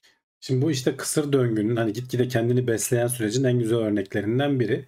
Sen çevreye hı. zarar verdikçe bazı şeylerin dengesi bozuluyor. Bir yerden sonra kritik seviyeyi aşıyorsun. Artık durdurulamaz bir şekilde her şey baş aşağı Hı hı. gitmeye başlıyor. Tersine döndürmek çok zor oluyor. Bu da onun Hı. gibi onun o yönde bir uyarı aslında. Yani aslında 50 yıl var. Hani bir şekilde önlem alınsa sorun olmayacak. Senin de dediğin Hı gibi ormanlar sonuçta havadaki karbondioksiti alıyorlar. Vücutlarında işte onları fotosentezle e, ağaç gövdesi haline getiriyorlar aslında tam anlamıyla. Yaprak haline Hı hı. getiriyorlar ve aslında atmosferdeki karbonu çekip toprağa hapsetmiş oluyorlar. E tabii ki bunların da bir yaşı var. Sonuçta bu bitkilerin bir döngüsü var ve öldükleri zaman tekrar onları Hı hı. işte ormanın içine düştüğü zaman o ağaç tekrar dekompoz olurken çözüm çözülürken doğada gene işte Hı. mikroplar, bakteriler onu yiyip atmosfere geri veriyor aslında. Hı E, hı. dolayısıyla yeni Kaybolmuyor gel madde. kaybolmuyor tabii. E, işte yerin dibine falan giderse işte petrole metrole dönüşüyor vesaire falan başka süreçler var. Ama genel olarak böyle bir döngü söz konusu. Şimdi burada e, biz şimdi yeni ağaç ekimini azalttığımız için ormanların yaşı gitgide yaşlanıyor. Bir yerden sonra şimdi yaşlı ağaçlar atmosferden bir süre daha çok şey topluyorlar. Genç hani filizlere göre, küçük ağaçlara göre hı. büyük ağaç tabii ki daha çok topluyor ama bir yerden sonra hastalanıp öldüğü zaman da daha o, o kadarını geri salıyor. O arada işte dengesiz dengeyi sağlayacak yeni nesil ağaçların yetişmiş belli bir büyüklüğe ulaşmış ve atmosferden karbon alıyor hale gelmesi gerekiyor. Ama şimdi biz o dengeyi bozduğumuz için yeni ağaçların ekimine vesaire falan çok fazla izin vermediğimiz için bir yerden sonra bütün ormanlar hani Amerika'daki ormanlardan bahsediyor. Bu Amerika'nın e, Tarım Bakanlığı'nın bir duyurusu. 2070'ten sonra onların hesaplarına göre Amerika'daki ormanlar net karbon emisyonu yapar hale gelecek diyor. Yani bırak almayı net karbon emisyonu verecek hale geleceğiz diyor. Buna şimdiden önlem. Yani hesapladıkları da 150 milyon metrik ton diyorlar işte. Yani yaklaşık e, 40 e, kömür e, termik santrali gibi bir şeye Of. denk geliyor yani bütün şeyler. Bunu çekebilen çeke, çekenin tersine döndüğünü düşün. Yani tam anlamıyla bir Bizim çekmesine ihtiyacımız var tam tersi. Yani evet şey oluyor değil mi Hamdi abi? Yani yaşlanıyor. Ötekini şimdi bile eksen o o yaşa gelene kadar öteki ölmüş oluyor. Arada bir boşluk kalıyor. Yani o yetişmeme süreci var. Nüfusta da öyle oluyor. Yani yeni nüfus, yeni çocuk doğmadığı zaman, yeni işte e, birisi gelmediği zaman nüfusun yaş ortalaması yükseğe çıkıyor. E, gibi bir durum oluyor aslında. Aynı şey, aynı şey. Yani şu anda mesela Japonya'da geçen işte haberini gördüm. Geçtiğimiz yıl Hı hı. içerisinde 800 bin kişi mi ne azalmış Japonya nüfusu? 1 milyon 600 bin kişi mi? Yani nüfus düşünsene geri sayıyor ve öyle 1 milyon seviyesinde geri sayıyor bir yıl içerisinde. E aynısı ağaçlarda olduğu zaman işte bu atmosfere karbon olarak geliyor. İnsanlarda olduğu zaman ekonomi çok kötü etkileniyor. Yani çünkü bütün dengeyi biz bunu Hı hı. sağlayacak şekilde kurmuşuz. Çalışan nüfus. Evet. Evet yani çalışan nüfusun yaşlı nüfusa bakması işte ilk defa birkaç yıl önce mi neydi tam şimdi hatırlamıyorum gene zamanını. Yani bebek Hı hı. bezi satışı şeyden daha az. Yaşlı bezi satışından daha az olmuştu Japonya'da mesela. Oo. Çok ciddi bir e, nüfus krizi var orada. E, aynı şey işte Hı hı. ormanlarda, bitkilerde de olabiliyor. Sen onun e, ekimine izin vermezsen, olan arazileri sürekli yok edersen e, ki Amerika'da da garip bir durum varmış. Ormanların %39'u özel şahısların diyor. Yani bizde öyle değildir mesela. O da değişik. Bir Yani şey de yapamazsın. Benim Bir şey kendi arazim şey- diyecek. organize de olamıyorlar diyor. Hani bu haberin devamında da o. Hadi o onların problemi değil ama bunun bir benzeri bizim buralarda da yaşanıyordur. O yüzden ben bu haberleri alıyorum. Hani yeni Hı hı. nesil ağaçların mutlaka dikilip o e, genç ağaçların bir yerden sonra yaşların yerini alacak şekilde o dengeyi sağlamamız lazım. Hamdi abi şeyi hatırlıyor musun? ODTÜ'de ağaç diktiriyorlardı. Sen, sen de dikmişsindir kesin. Bizim zamanımızda biz gidip dikmiştik boş Düzen, araziye. düzenli olarak evet. Ama işte Düzenli. ondan Her sonradan öğrenci bir kere ekmiştir. Çok güzel bir deneyimdi ya. ve onlar büyüyor zaten. Otte ormanı dediğin yer öyle oluyor. Evet. Ee, evet, hem de Ankara gibi böyle nispeten aslında kurak çok da öyle yağışın falan olmadığı bir yerde. Hı hı. Ee, büyük ağaçlar değil evet yani hani böyle bir Evet. İstanbul'da böyle koruya girdiğin zaman göreceğin o dev gibi ağaçlar olmuyor orada ama sonuçta bayağı bir bitki örtüsü oluyor. Uzaktan baktığın zaman orman Tabii. oluyor yani. Yani orayla ilgilenen bir şey vardı. Bir ne derler bir departmanı bir şeyi vardı zaten hani bir yönetime bağlı, rektörlüğe bağlı. Gidip işte e, ağaçların sağlığı, hayvanların sağlığı. Çünkü endemik bir şey e, hayvanlar var orada. Endemik hayvan falan var yani ODTÜ ormanında. O kadar büyük bir orman. E, sanıyorum bize şey demişlerdi. Orta Doğu'nun yapay en büyük ormanı. Yani insan eliyle yapılmış en büyük ormanıydı Eski fotoğrafları mesela. vardır. Ee, ilk Değil mi? 1950'lerdeki öğrencilerin ekmeye Bomboş başladığı böyle. bomboş çorak arazi yani. Hani işte Evet. şey İç Anadolu Bozkır'ını düşün. İşte oralara eke eke 50 yıl içerisinde bir yere getirebiliyorsun. Evet. Ben şey yapmıştım. Bizim ektiğimiz ağaca GPS şeyi koymuştum. Pini koymuştum ama şimdi gidip bulması çok zor. O kadar met- metre yani bir metre arayla dikiyorsun çünkü. O kadar hassasiyeti yok ya bizim kullandığımız GPS'lerin ama çok ilginç bir anıydı. Peki buradan son habere geçelim ee, istersen. Şimdi bunu ben ekledim. Zaten demesem de bunu anlayacaklar benim eklediğimi. Dedim Sen ki bir, bir fark, farkını belli et yani evet. Heh, evet onu dedim yani gelmişken. Ee, benim sevdiğim bir YouTube kanalı var. Bana da şey tanıttı. Bu Legendarium e, Türkiye, Kara Kare o kanalları izleyenler bilir. Oradaki e, Ali Cem Hoca tanıttı. Sinema Terapi diye. Bu kanal Hamdi abi şey bir tane lisanslı terapist var. Öteki de yönetmen, ödüllü bir yönetmen. İkisi e, oturup filmlerin psikolojisini analiz ediyorlar. Ya çok ilginç format, bir güzel bir konsept ya. format. Çok acayip bir konsept Evet. yani. Hakikaten şaşırdım evet. ben. Aynen izlemişsindir sen de videoyu. İzledim, Biz o izledim. videonun linkini koyduk. Şimdi ben onu size anlatacağım hani e, videodaki konuyu. Yüzüklerin Efendisi'nde biliyorsunuz Aragorn karakteri var. Yani hani hiç bilmeyen için söylüyorum. O en sonunda kral olan adam Viggo Mortensen'in oynadığı Aragorn karakteri var. Spoiler verdin Aragorn- Cevdet. Aa, artık yani şey Öyle diyorlar Şey ya her Titanic- şeye. Titanic batıyor gibi bir spoiler bu şey. Oppenheimer'da bomba patlıyor arkadaşlar. Yani onun tarzı bir spoiler oldu. Neyse. Yani üçüncü, üçüncü kitabın adı Kralın Dönüşü çünkü. Abi yani kapağında Yok, yok, yazıyor. şaka yapıyorum zaten canım ama böyle Biliyorum, diyorlar yani hemen. Evet evet. Konu şu. Yüzüklerin Efendisi'ndeki Aragorn karakteri bize aslında toksik maskülenite ile ilgili neler öğretiyor? Çok güzel bir konu, çok hoşuma gitti ve onu anlatacağım biraz. Şimdi eee, şöyle, önce şöyle bir ayrım yapabiliriz. Sağlıklı maskülenite ve toksik maskülenite. Yani olumlu ve toksik maskülenite diye bir ayrım yapabiliriz. Olumlu maskülenitede ne var? Yani maskülenliğin içinde, erkekliğin içinde eee, koruma içgüdüsü var. Bunlar olumlu tarafları. Kaynak sağlayan bir taraf var.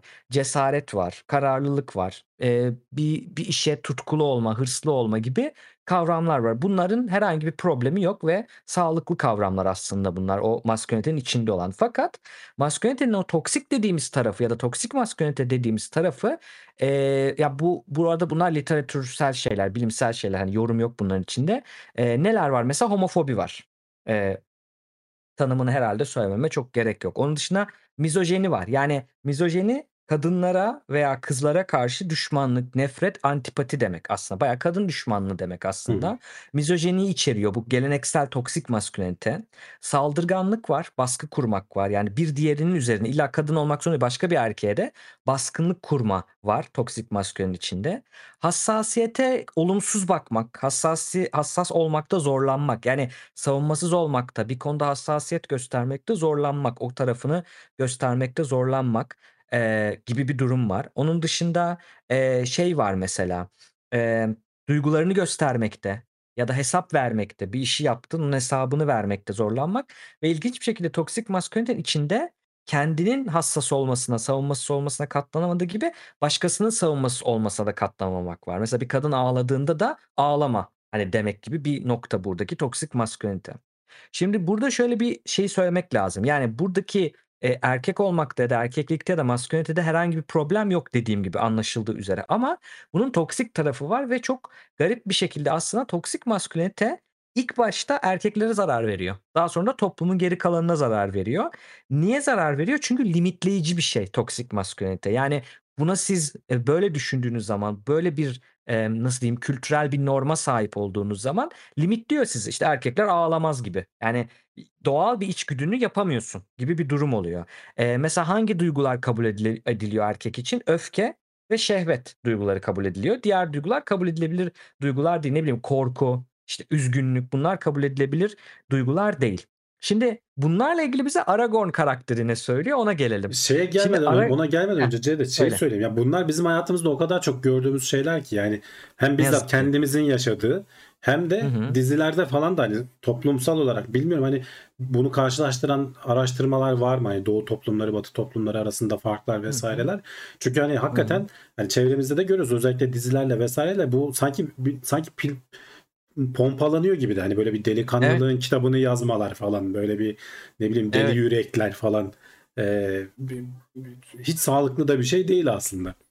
Evet, yani sen onu gördüğün zaman onu rol model alıyorsun zaten. Yani Tabii. şey gibi bakın, en cool karakter. Hani şimdi bazı diziler ya da filmler yerli veya yabancı şey diyor ya, işte biz orada aslında işte kötülüğünü göstermek için yaptık. Tamam da sen onu kötü göstermiyorsun orada. Sen onu çok cool gösteriyorsun. Hani Tabii. Baktığın zaman.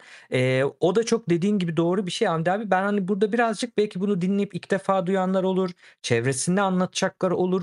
Değişim böyle böyle geliyor aslında. Yani Batı dünyasında da hala tamamlanmış değil. Nasıl gelmiş ama böyle böyle. Yani önce fark ederek bunun e, bak bu kısmı toksik. Burasında bir sorun var diyerek aslında normalleşmiş ya. O normalleşmeden gerçekçi hale getirmekle ilk başlıyor onun için. Aragorn karakterine biz çok güzel örnekler görüyoruz. Filmi izleyenler için e, sahnelerden bahsedeceğim. Mesela şunu görüyoruz Hamdi abi. Bir kere bu adam Çok Aragorn delikanlı karakteri adam bir kere Cevdet. ha? Çok Efendim? delikanlı adam diyorum. Onun gibi diyeceğim şimdi. Öyle diyormuşum ve olmuş. Aragorn karakteri öyle bir adam ki kendi taç giyme töreninde, taç giymesindeki törende yani şöyle bir tören, öyle söyleyelim. Filmden belli olmuyor çünkü o. Tüm Orta Dünya'nın kralı oluyor aslında. Sauron gittiği için yani başka ona karşı çıkabilecek biri yok. Bütün birleşik bir krallığın başına geçiyor. Yani olabilecek en yüksek güç konumuna geliyor. Taç giyiliyor ve taç giyildikten sonra işte havadan yağan eee, çiçek yaprakları altında elfçe soft bir şarkı söylüyor. Yani anlatabiliyor muyum? Hani böyle bir maskülenite aslında bahsettiğimiz sağlıklı kısmı bu. Yani oradan rahatsız olmuyor. Orayla bir derdi yok. Onu anlatmaya çalışıyoruz. Ben Şimdi şeyi çok baş... sevdim. Şey örneği çok Hı, güzel. Or, bir dakika önce ork kafası keserken sonra şiir okuyabiliyordum. Evet yani hem ork kafası kesiyor bu adam gerektiğinde çünkü yani yani mecbur ama şiir de okuyor. Dediğin çok doğru. Şimdi buradaki olay dediğin gibi özelliklerine baktığımız zaman filmdeki Aragorn'a cesur bir kere. Çok cesur, güçlü. Yani savaşmayı iyi biliyor. E, yemek sağlıyor hobbitlere. Kahvaltı falan şey yapıyor ya işte yemek getiriyor Hmm. onlara. Onlara koruyor aslında. Yani daha savunması olan grupları koruyor. Ee, mesela Miğfer'de bir savaşında çok büyük işte koruma, kendini feda etme tarafları. Çok çalışkan biri bu arada. Ee, ve çok kadınlara karşı çok saygılı bir karakter. Kararlı bir karakter ama kadınlara karşı da çok saygılı bir karakter. Mesela dediğin gibi şöyle bir sahne var yani ork kafası kesiyor. Ya yani bir sahne önce ork kafası kesiyor. Boromir bizim Şamben her filmde ölüyor ya. Boromir ölüyor orada. Kafayı kesiyor, koşuyor Boromir'e. Ve Boromir'e koştuğunda oradaki sahne hem Batı yani bu şeyi e, Amerikalı bu kanal Amerikalı kanaldaki toksik maskülenite standartları içinde birbirlerine bayağı yakınlar aslında baktığın zaman. İşte elini buraya koyuyor şey e, hani omzuna koyuyor Boromir. O işte duruyor son anda elini tutuyor ölmek üzere ve ağlıyor. Yani onun ölümüne ağlıyor. Bir dakika önce kafa kesen adam şimdi ağlıyor. Alnından öpüyor Boromir'i. Yani işte rahat uyu Gondor'un evladı falan diyor yani baktığın zaman. Bu ikisi aynı kişide olması müthiş bir örnek aslında. Yani o toksik masküliniteye karşı gösterilebilecek müthiş bir örnek aslında diye söyleyebiliriz. Şimdi aslında araştırmalarla biz zaten çok net biliyoruz ki Hamdi abi erkekler de kadınlar da aynı duyguları hissediyor. Yani hissettikleri duygu açısından bir fark yok. Fakat gösterdikleri kısım o toksik maskülinitenin limitlemesi yüzünden işte dediğim gibi erkekler çok daha az duyguyu gösterebiliyor. Daha az yardım alabiliyor. Bu yüzden de biz biliyoruz ki mesela intihar rakamları çok çok çok fazla sayıda erkeklerde daha yüksek. Çünkü bir derdi olduğunda gidip konuşabileceği biri yok. Konuştuğunda e, karşılaşabileceği e, şeyler var. Yani sorunlar var, etiketlemeler var, dışlanmalar var. Bir sürü sorunla karşı karşıya kalıyor ve derdini paylaşamadığı için de en sonunda intihara sürüklüyor. Bunu biliyoruz aslında toplumsal olarak. Ee, mesela Aragorn'da bir gördüğümüz bir ilginç özellik işte geleneksel toksik maskülinitede ne var? Erkeğin dediği olur değil mi? Yani işte evin direği işte e, ne o der o ne derse o olur gibi bir durum var. Ama e, Eowyn'de bir sahnesi var Aragorn'un. Hatta ben bu sahneyle ilgili bir yazı yazdım şeyde. İyi Hissetmek diye bir psikoloji dergisi var. Orada sırf bu sahne üzerine bir yazım var benim bakabilirler. E, bu sahnede Eowyn karakteri Rohan'daki Eowyn karakteri işte kılıçla e, böyle şey yapıyor talim falan yapıyor. Aragorn geliyor onun yanına falan. İşte şey diyor ki ben diyor ben de savaşa gideceğim. Hani beni arkada ben kadınım diye beni arkada bırakmayın falan diyor. Ondan sonra ve orada şey diyor yani siz diyor Rohan'ın diyor muhafız kızısınız gidersiniz falan diyor. Yani oradaki şey çok ilginç. İzin vermiyor ona. Yani Aragorn gidersin ben izin veriyorum demiyor. Güç vermiyor. Sadece farkına varıyor. Sadece onaylıyor. Diyor ki evet böyle tamam. Yani onun bir kararı veya onun izin vermesi gibi bir söz konusu bir durum yok. Böyle bir saygısı var e, kadınlara karşı. Birçok farklı e, sahnede var. Şimdi son da şuraya getirmek lazım aslında. Mesela en son sahneyi düşünün. Yine taç giyme töreninde Hamdi abi. Birçok kişinin aslında ağladığı, kadın erkek birçok kişinin ağladığı bir sahne o. Taç giymişsin. İşte Ben elf ağlamadım prensesini Cevdet onu söyleyeyim. Tamam. Birçok kişi dedim zaten. Sen olmak zorunda değilsin Delikan, içinde. delikanlılığı bozar. Ya, toksik maskülenite örneğini de görüyorsunuz. Çok Evet. güzel dedin. Şimdi e, orada bir sahne var. E, Hobbitler krala diz çökmeye kalkıyor ve diyor ki dostlarım siz kimsenin önünde diz çökmeyin diyor ve kral diz çöküyor. Kral diz çökünce bütün oradaki herkes diz çöküyor ve Hobbitlere aslında orada bir şey göstermiş oluyor, lütuf göstermiş oluyor.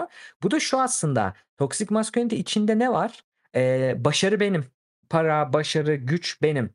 Ya kendi sa- ka- taç giyme töreninde şey diyor yani hani kendi üzerine o övgüyü alacağını hobbitlere o övgüyü verebiliyor ve ondan bir şey eksiltmiyor bu. En önemlisi o. O yüzden şunu diyeyim aslında en sonunda. Kadın, erkek ya da non-binary, çocuk ne olursak olalım biz aslında hem güçlü hem de sevgi dolu olabiliriz.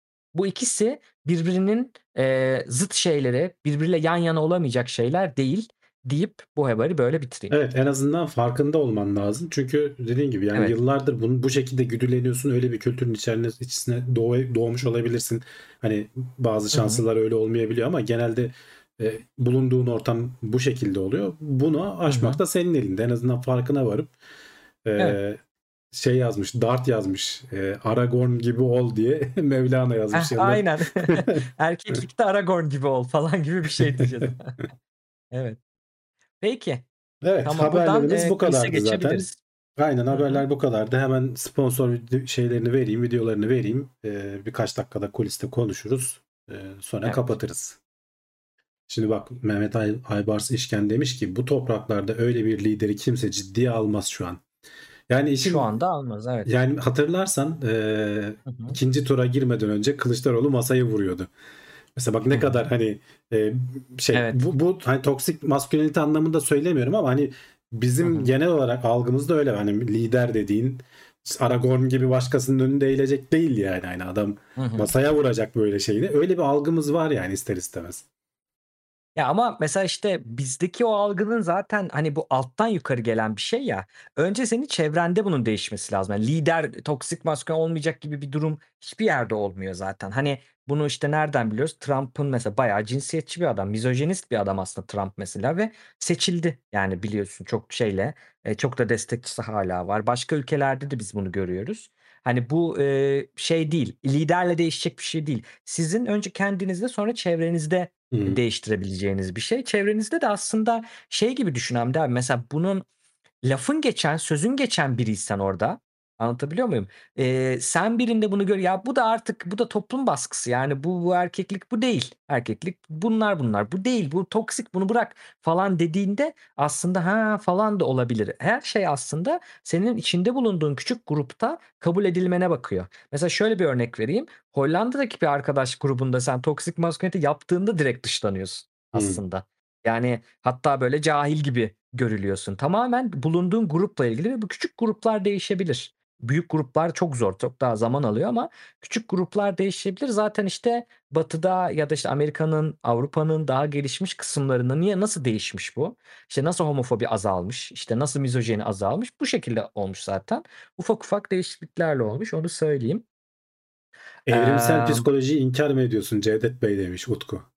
İşte bak aslında inkar etmiyorum. İyi dinleseydi Utku şeyi görecekti. İlk başta saydığım olumlu kısımlar zaten evrimsel psikolojinin içindeki e, hayatta kalmayla ilgili, erkeklikle ilgili kısımlar. Orayla bir derdimiz yok bizim zaten. Yani kes gene Derdimiz sen olan Orgun kafasını kes bulduğun zaman yani. lazımsa kes tabii ki yani ne yapayım hani kendini koru tabii ki ama bugünkü dünyada baktığın zaman Hamdi abi liderlere de baktığında hani e, bir bir şirket lideri yani mesela Elon Musk kafa kesecek bir adam mı? Değil. Ama başka tar- tarz onun da e, şeyleri var hani gösterdiği. Yani Tabii. orada toksiklikle şeyi ayırmak lazım. Şunu düşünsünler en basit. Bu yaptığın şey işte toplumsal erkek rolü içinde bir şey. Tamam bunu bekleniyor senden ama bu sana veya başkasına zarar veriyor mu? Bu kadar. Çok net bir soru yani. Şimdi homofobi zarar veriyor başkasına baktığın zaman. Mizojeni zaten kadın düşmanlığı yani direkt zarar veriyor. Baskı kurmaya baktığında sen hakkın olmayan bir şekilde başkasının üzerine baskı kuruyorsun. Biz bunu söylüyoruz. Yoksa cesur ol, tutkulu ol, kararlı ol, ne bileyim güçlü ol. Bunlarla ilgili bir bunlarla ilgili bir problem yok. Bu baskı aslında en çok erkekleri etkiliyor dediğim gibi. Çok Evet. acı bir şey aslında. İronik ve trajik bir şey orada. Evet bakalım. Elixir demiş Kafa ki bu kesme. orkların dişileri nerede demiş. Evet bak mesela onları top çamurdan Onu- direkt üretiyorlar değil mi orada? Onu Legendarium'a sorsunlar. Ben oraya yorum O yapmıyorum. kadar da Oraya uzman değil. döndürmeyelim. Ork evrimini Var biliyorum bilmiyoruz. bilgim bilgim var da girmiyorum yani. Evet, tamam. Ee, evet bakalım. Şey e, kulis zaten girişte de yaptık. Çok uzun yapmayız. Cemal şeyi sormuş onu söyleyeyim. Non-binary ne ola ki demiş. Non-binary binary ikili sistem demek. Non-binary şunu non-binary hisseden insanlar, non-binary olan insanlar diyor ki ben erkek ya da kadın gibi hissetmiyorum. İkisine de uymuyorum. Yani bu cinsiyeti iki şeye bölmek, toplumsal cinsiyeti kastediyorum. Biyolojiyi kastetmiyorum. Toplumsal cinsiyet rollerini ya onu ya onu seçmek zorunda değilim diyor. Non-binary'im diyor. Belki şeyden görmüşsünüzdür. İşte he, him ya da she, her gibi şeyler var ya, şeyler var, pronounlar var. İşte Instagram'da her yerde koyabiliyorsunuz bunları. Şirketlerde de söyleyebiliyorsunuz. Onun sebebi şu. Çünkü non-binary insanlar they, them diyor mesela ya da başka pronounlar Yani söylüyor ama Türkçe'de öyle en bir derdimiz yok. En güzeli o. Türkçe'de biz o dediğimiz için aynen herkese kapsayan bizim dilimizde o yok arkadaşlar. Dildeki Dilde cinsiyetçilik yok Hamdi abi Allah'tan. Aynen. Hayır Ee, şeylerde bazı yabancı sorun yok. dillerde mesela İngilizce'de o da yok ama bazı yabancı dillerde masanın falan cinsiyeti oluyor ya masanın sandalyenin falan. Tabii Almanca'da Farklı falan. farklı, Evet. tabii. Hani İngilizce'de evet. o da yok ama Türkçe'de hiçbiri yok. Yani biz o konuda rahatız. Türkçe'de rahatız aynen. Aynen aynen. Bakalım. Arkadaki fotoğrafları sormuşlar. Cevdet kimler var demişler. Evet. Ya o benim şey projem. Sevdiğim e, işte sanatçı, bilim insanı ya da örnek e, idolüm olan insanları resmini asayım diye.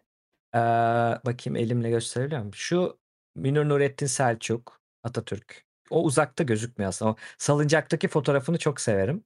Hmm. Ee, Mustafa İnan, Profesör Mustafa İnan. Ee, şu kadın e, Shapiro, EMDR terapisini bulan kişi. Şu ortadaki Jeffrey Young şema terapisini bulan kişi.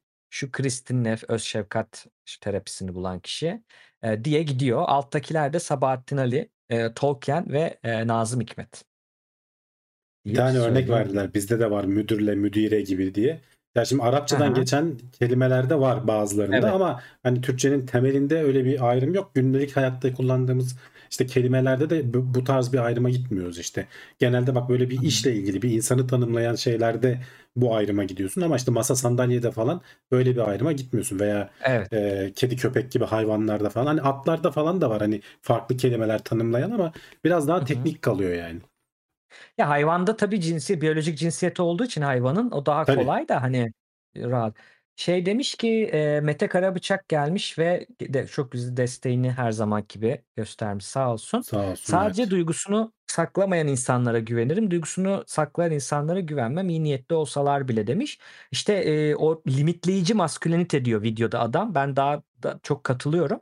Yani o toksik maskülenite o normların toplumsal o kuralların içinde duygusunu gösterme olayı olduğu için hani e, o da limitliyor. Karşındaki kişiyle e, şey yapamıyorsun, anlayamıyorsun. Çünkü duygusunu göstermesi yasak yani. Hani bir gösterdiği anda hemen yani bir ağladığı anda hadi bakalım. Hani vay başıma gelenler oluyor. Mesela Ahmet Yavaş Şahinol yavaş demiş ki ama. ben hakim ve hakime olayına pek alışamıyorum.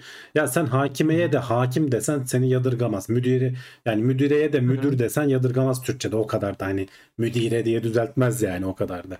Bence de Çok ya. yani çok keskin değil bizdeki o ayrım. O, olanlar bile o kadar keskin değil. Evet. Evet evet evet. Bizde en büyük şey hostes, hemşire. Orada da e- erkek olduğu zaman hani adı değilsin. Değişmesin. Bir ismi olsun. O da hemşire, Evet, o da evet. hemşire. İşte Öyle do- zaten, müdür de öyle. müdür yani. Öyle Aynen. devam etmesi çok daha mantıklı. Bu arada ilginç bir bilgi, bilmiyorum doğru mudur öyle bir şey e, Arapçadan geçti diye söylemiştik. Türkçe'de. M ile başlayan kelimelerin çok büyük bir kısmı Arapçadan geçmeymiş Türkçe'ye. Hmm. M ile Evet. başlayan. Zamanda da düşünmüştüm hakikaten çok e, sonradan hani en son giren böyle İngilizceden Fransızcadan girenler hariç işte mesela müdür hı. örneği ne bileyim başka M'li kelimeler düşünün çok büyük bir kısmı Arapçadan girmemiş. Şaşırtıcı Evet. yani. Evet. Evet, evet. Bu e, Gürkan Taş bir soru sormuş. Birkaç soruya birlikte bir cevap olsun. İşte cinsiyetçilik diyoruz ya, seksizm diyoruz. Aslında olayların birçoğunun temeli seksizme bağlanıyor. Bugün literatürde mesela Hamdi abi e, olay aslında seksizme indirgeniyor. Yani homofobi de seksizm, mizojeni de seksizm, toksik maskülenite de seksizm. Ne demek seksizm ya da cinsiyetçilik ne demek? E, cins cinsiyetler arasındaki ayrımda böyle ön yargılar, herkese genellenebilecek kalıp şeyler koymak demek. Buradaki aslında ırkçılık, cinsiyetçilik gibi şeylerde şey çok zor ya hani şimdi bunun için ırkçılık mı oldu? Bu da mı ırkçılık? O da mı? Hani onu da mı demeyeceğiz? Hani böyle bir zorlanıyor ya insanlar.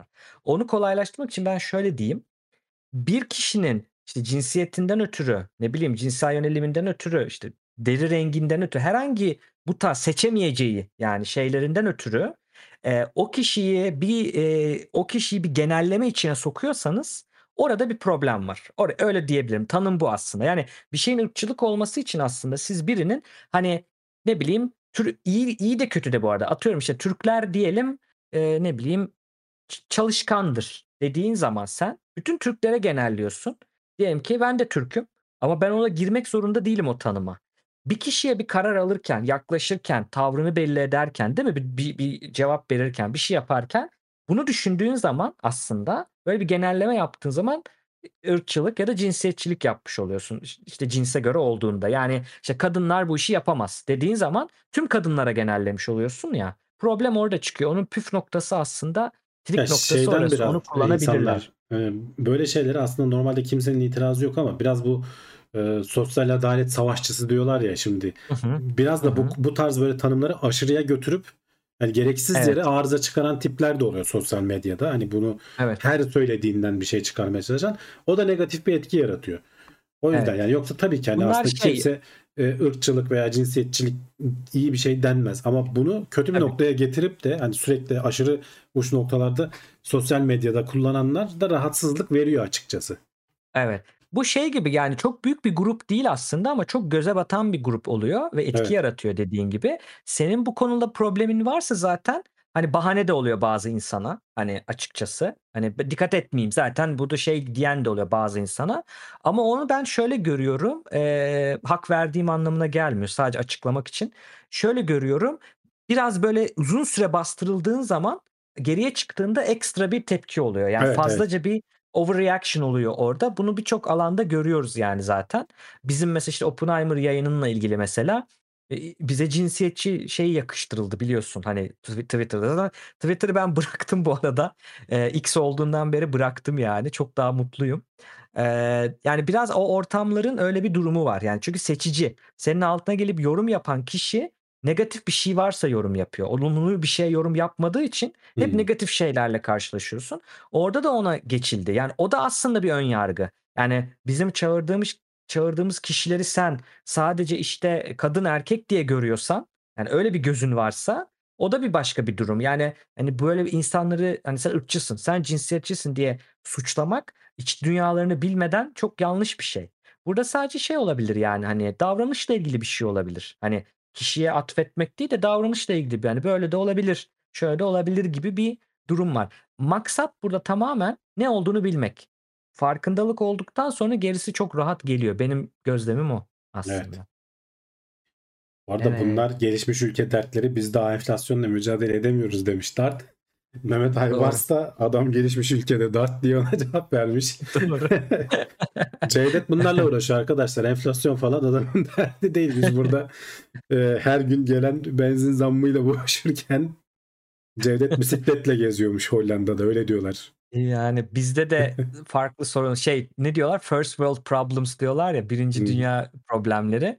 Buradaki sorunlar bunlar. Hele Hollanda o konuda çok komik yani ama şey de değil bu arada Hamdi abi. Mesela tabii ki Türkiye ile kıyaslanacak yüzde biri falan oranında ama çok az bir oranda ama mesela burada da günlük biriyle konuştuğun zaman enflasyondan bahsediyor.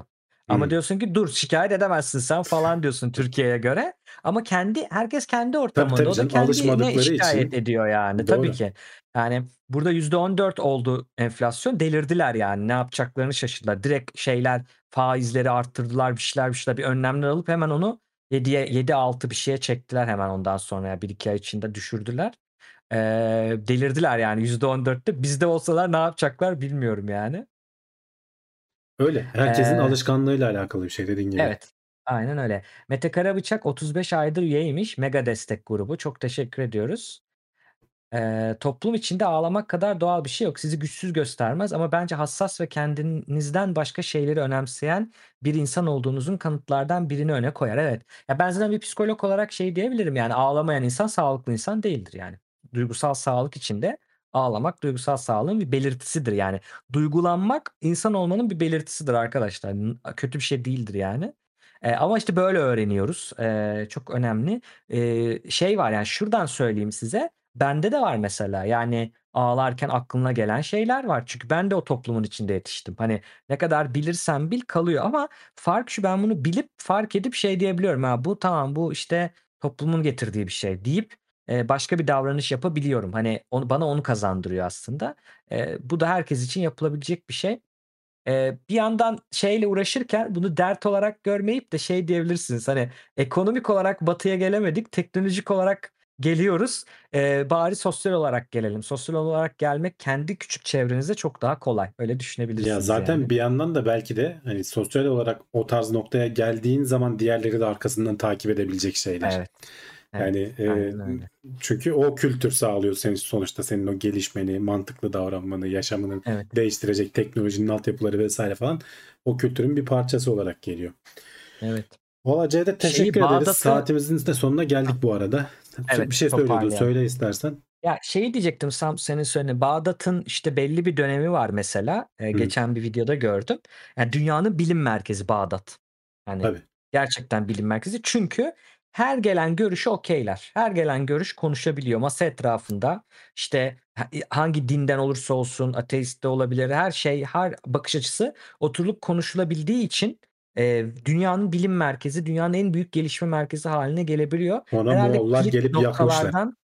işte sonra kilit noktalardan biri bu aslında. Yani Doğu bunu yapamaz diye bir şey yok yani. Bu Batı da yapar, tabii Doğu da yapar. kesinlikle.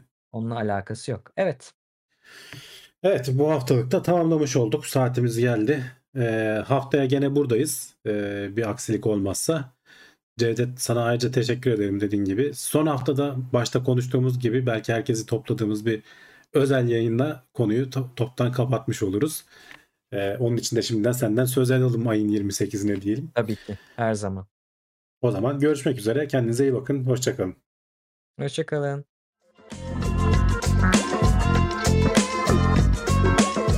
Tailwords teknoloji ve bilim notlarını sundu.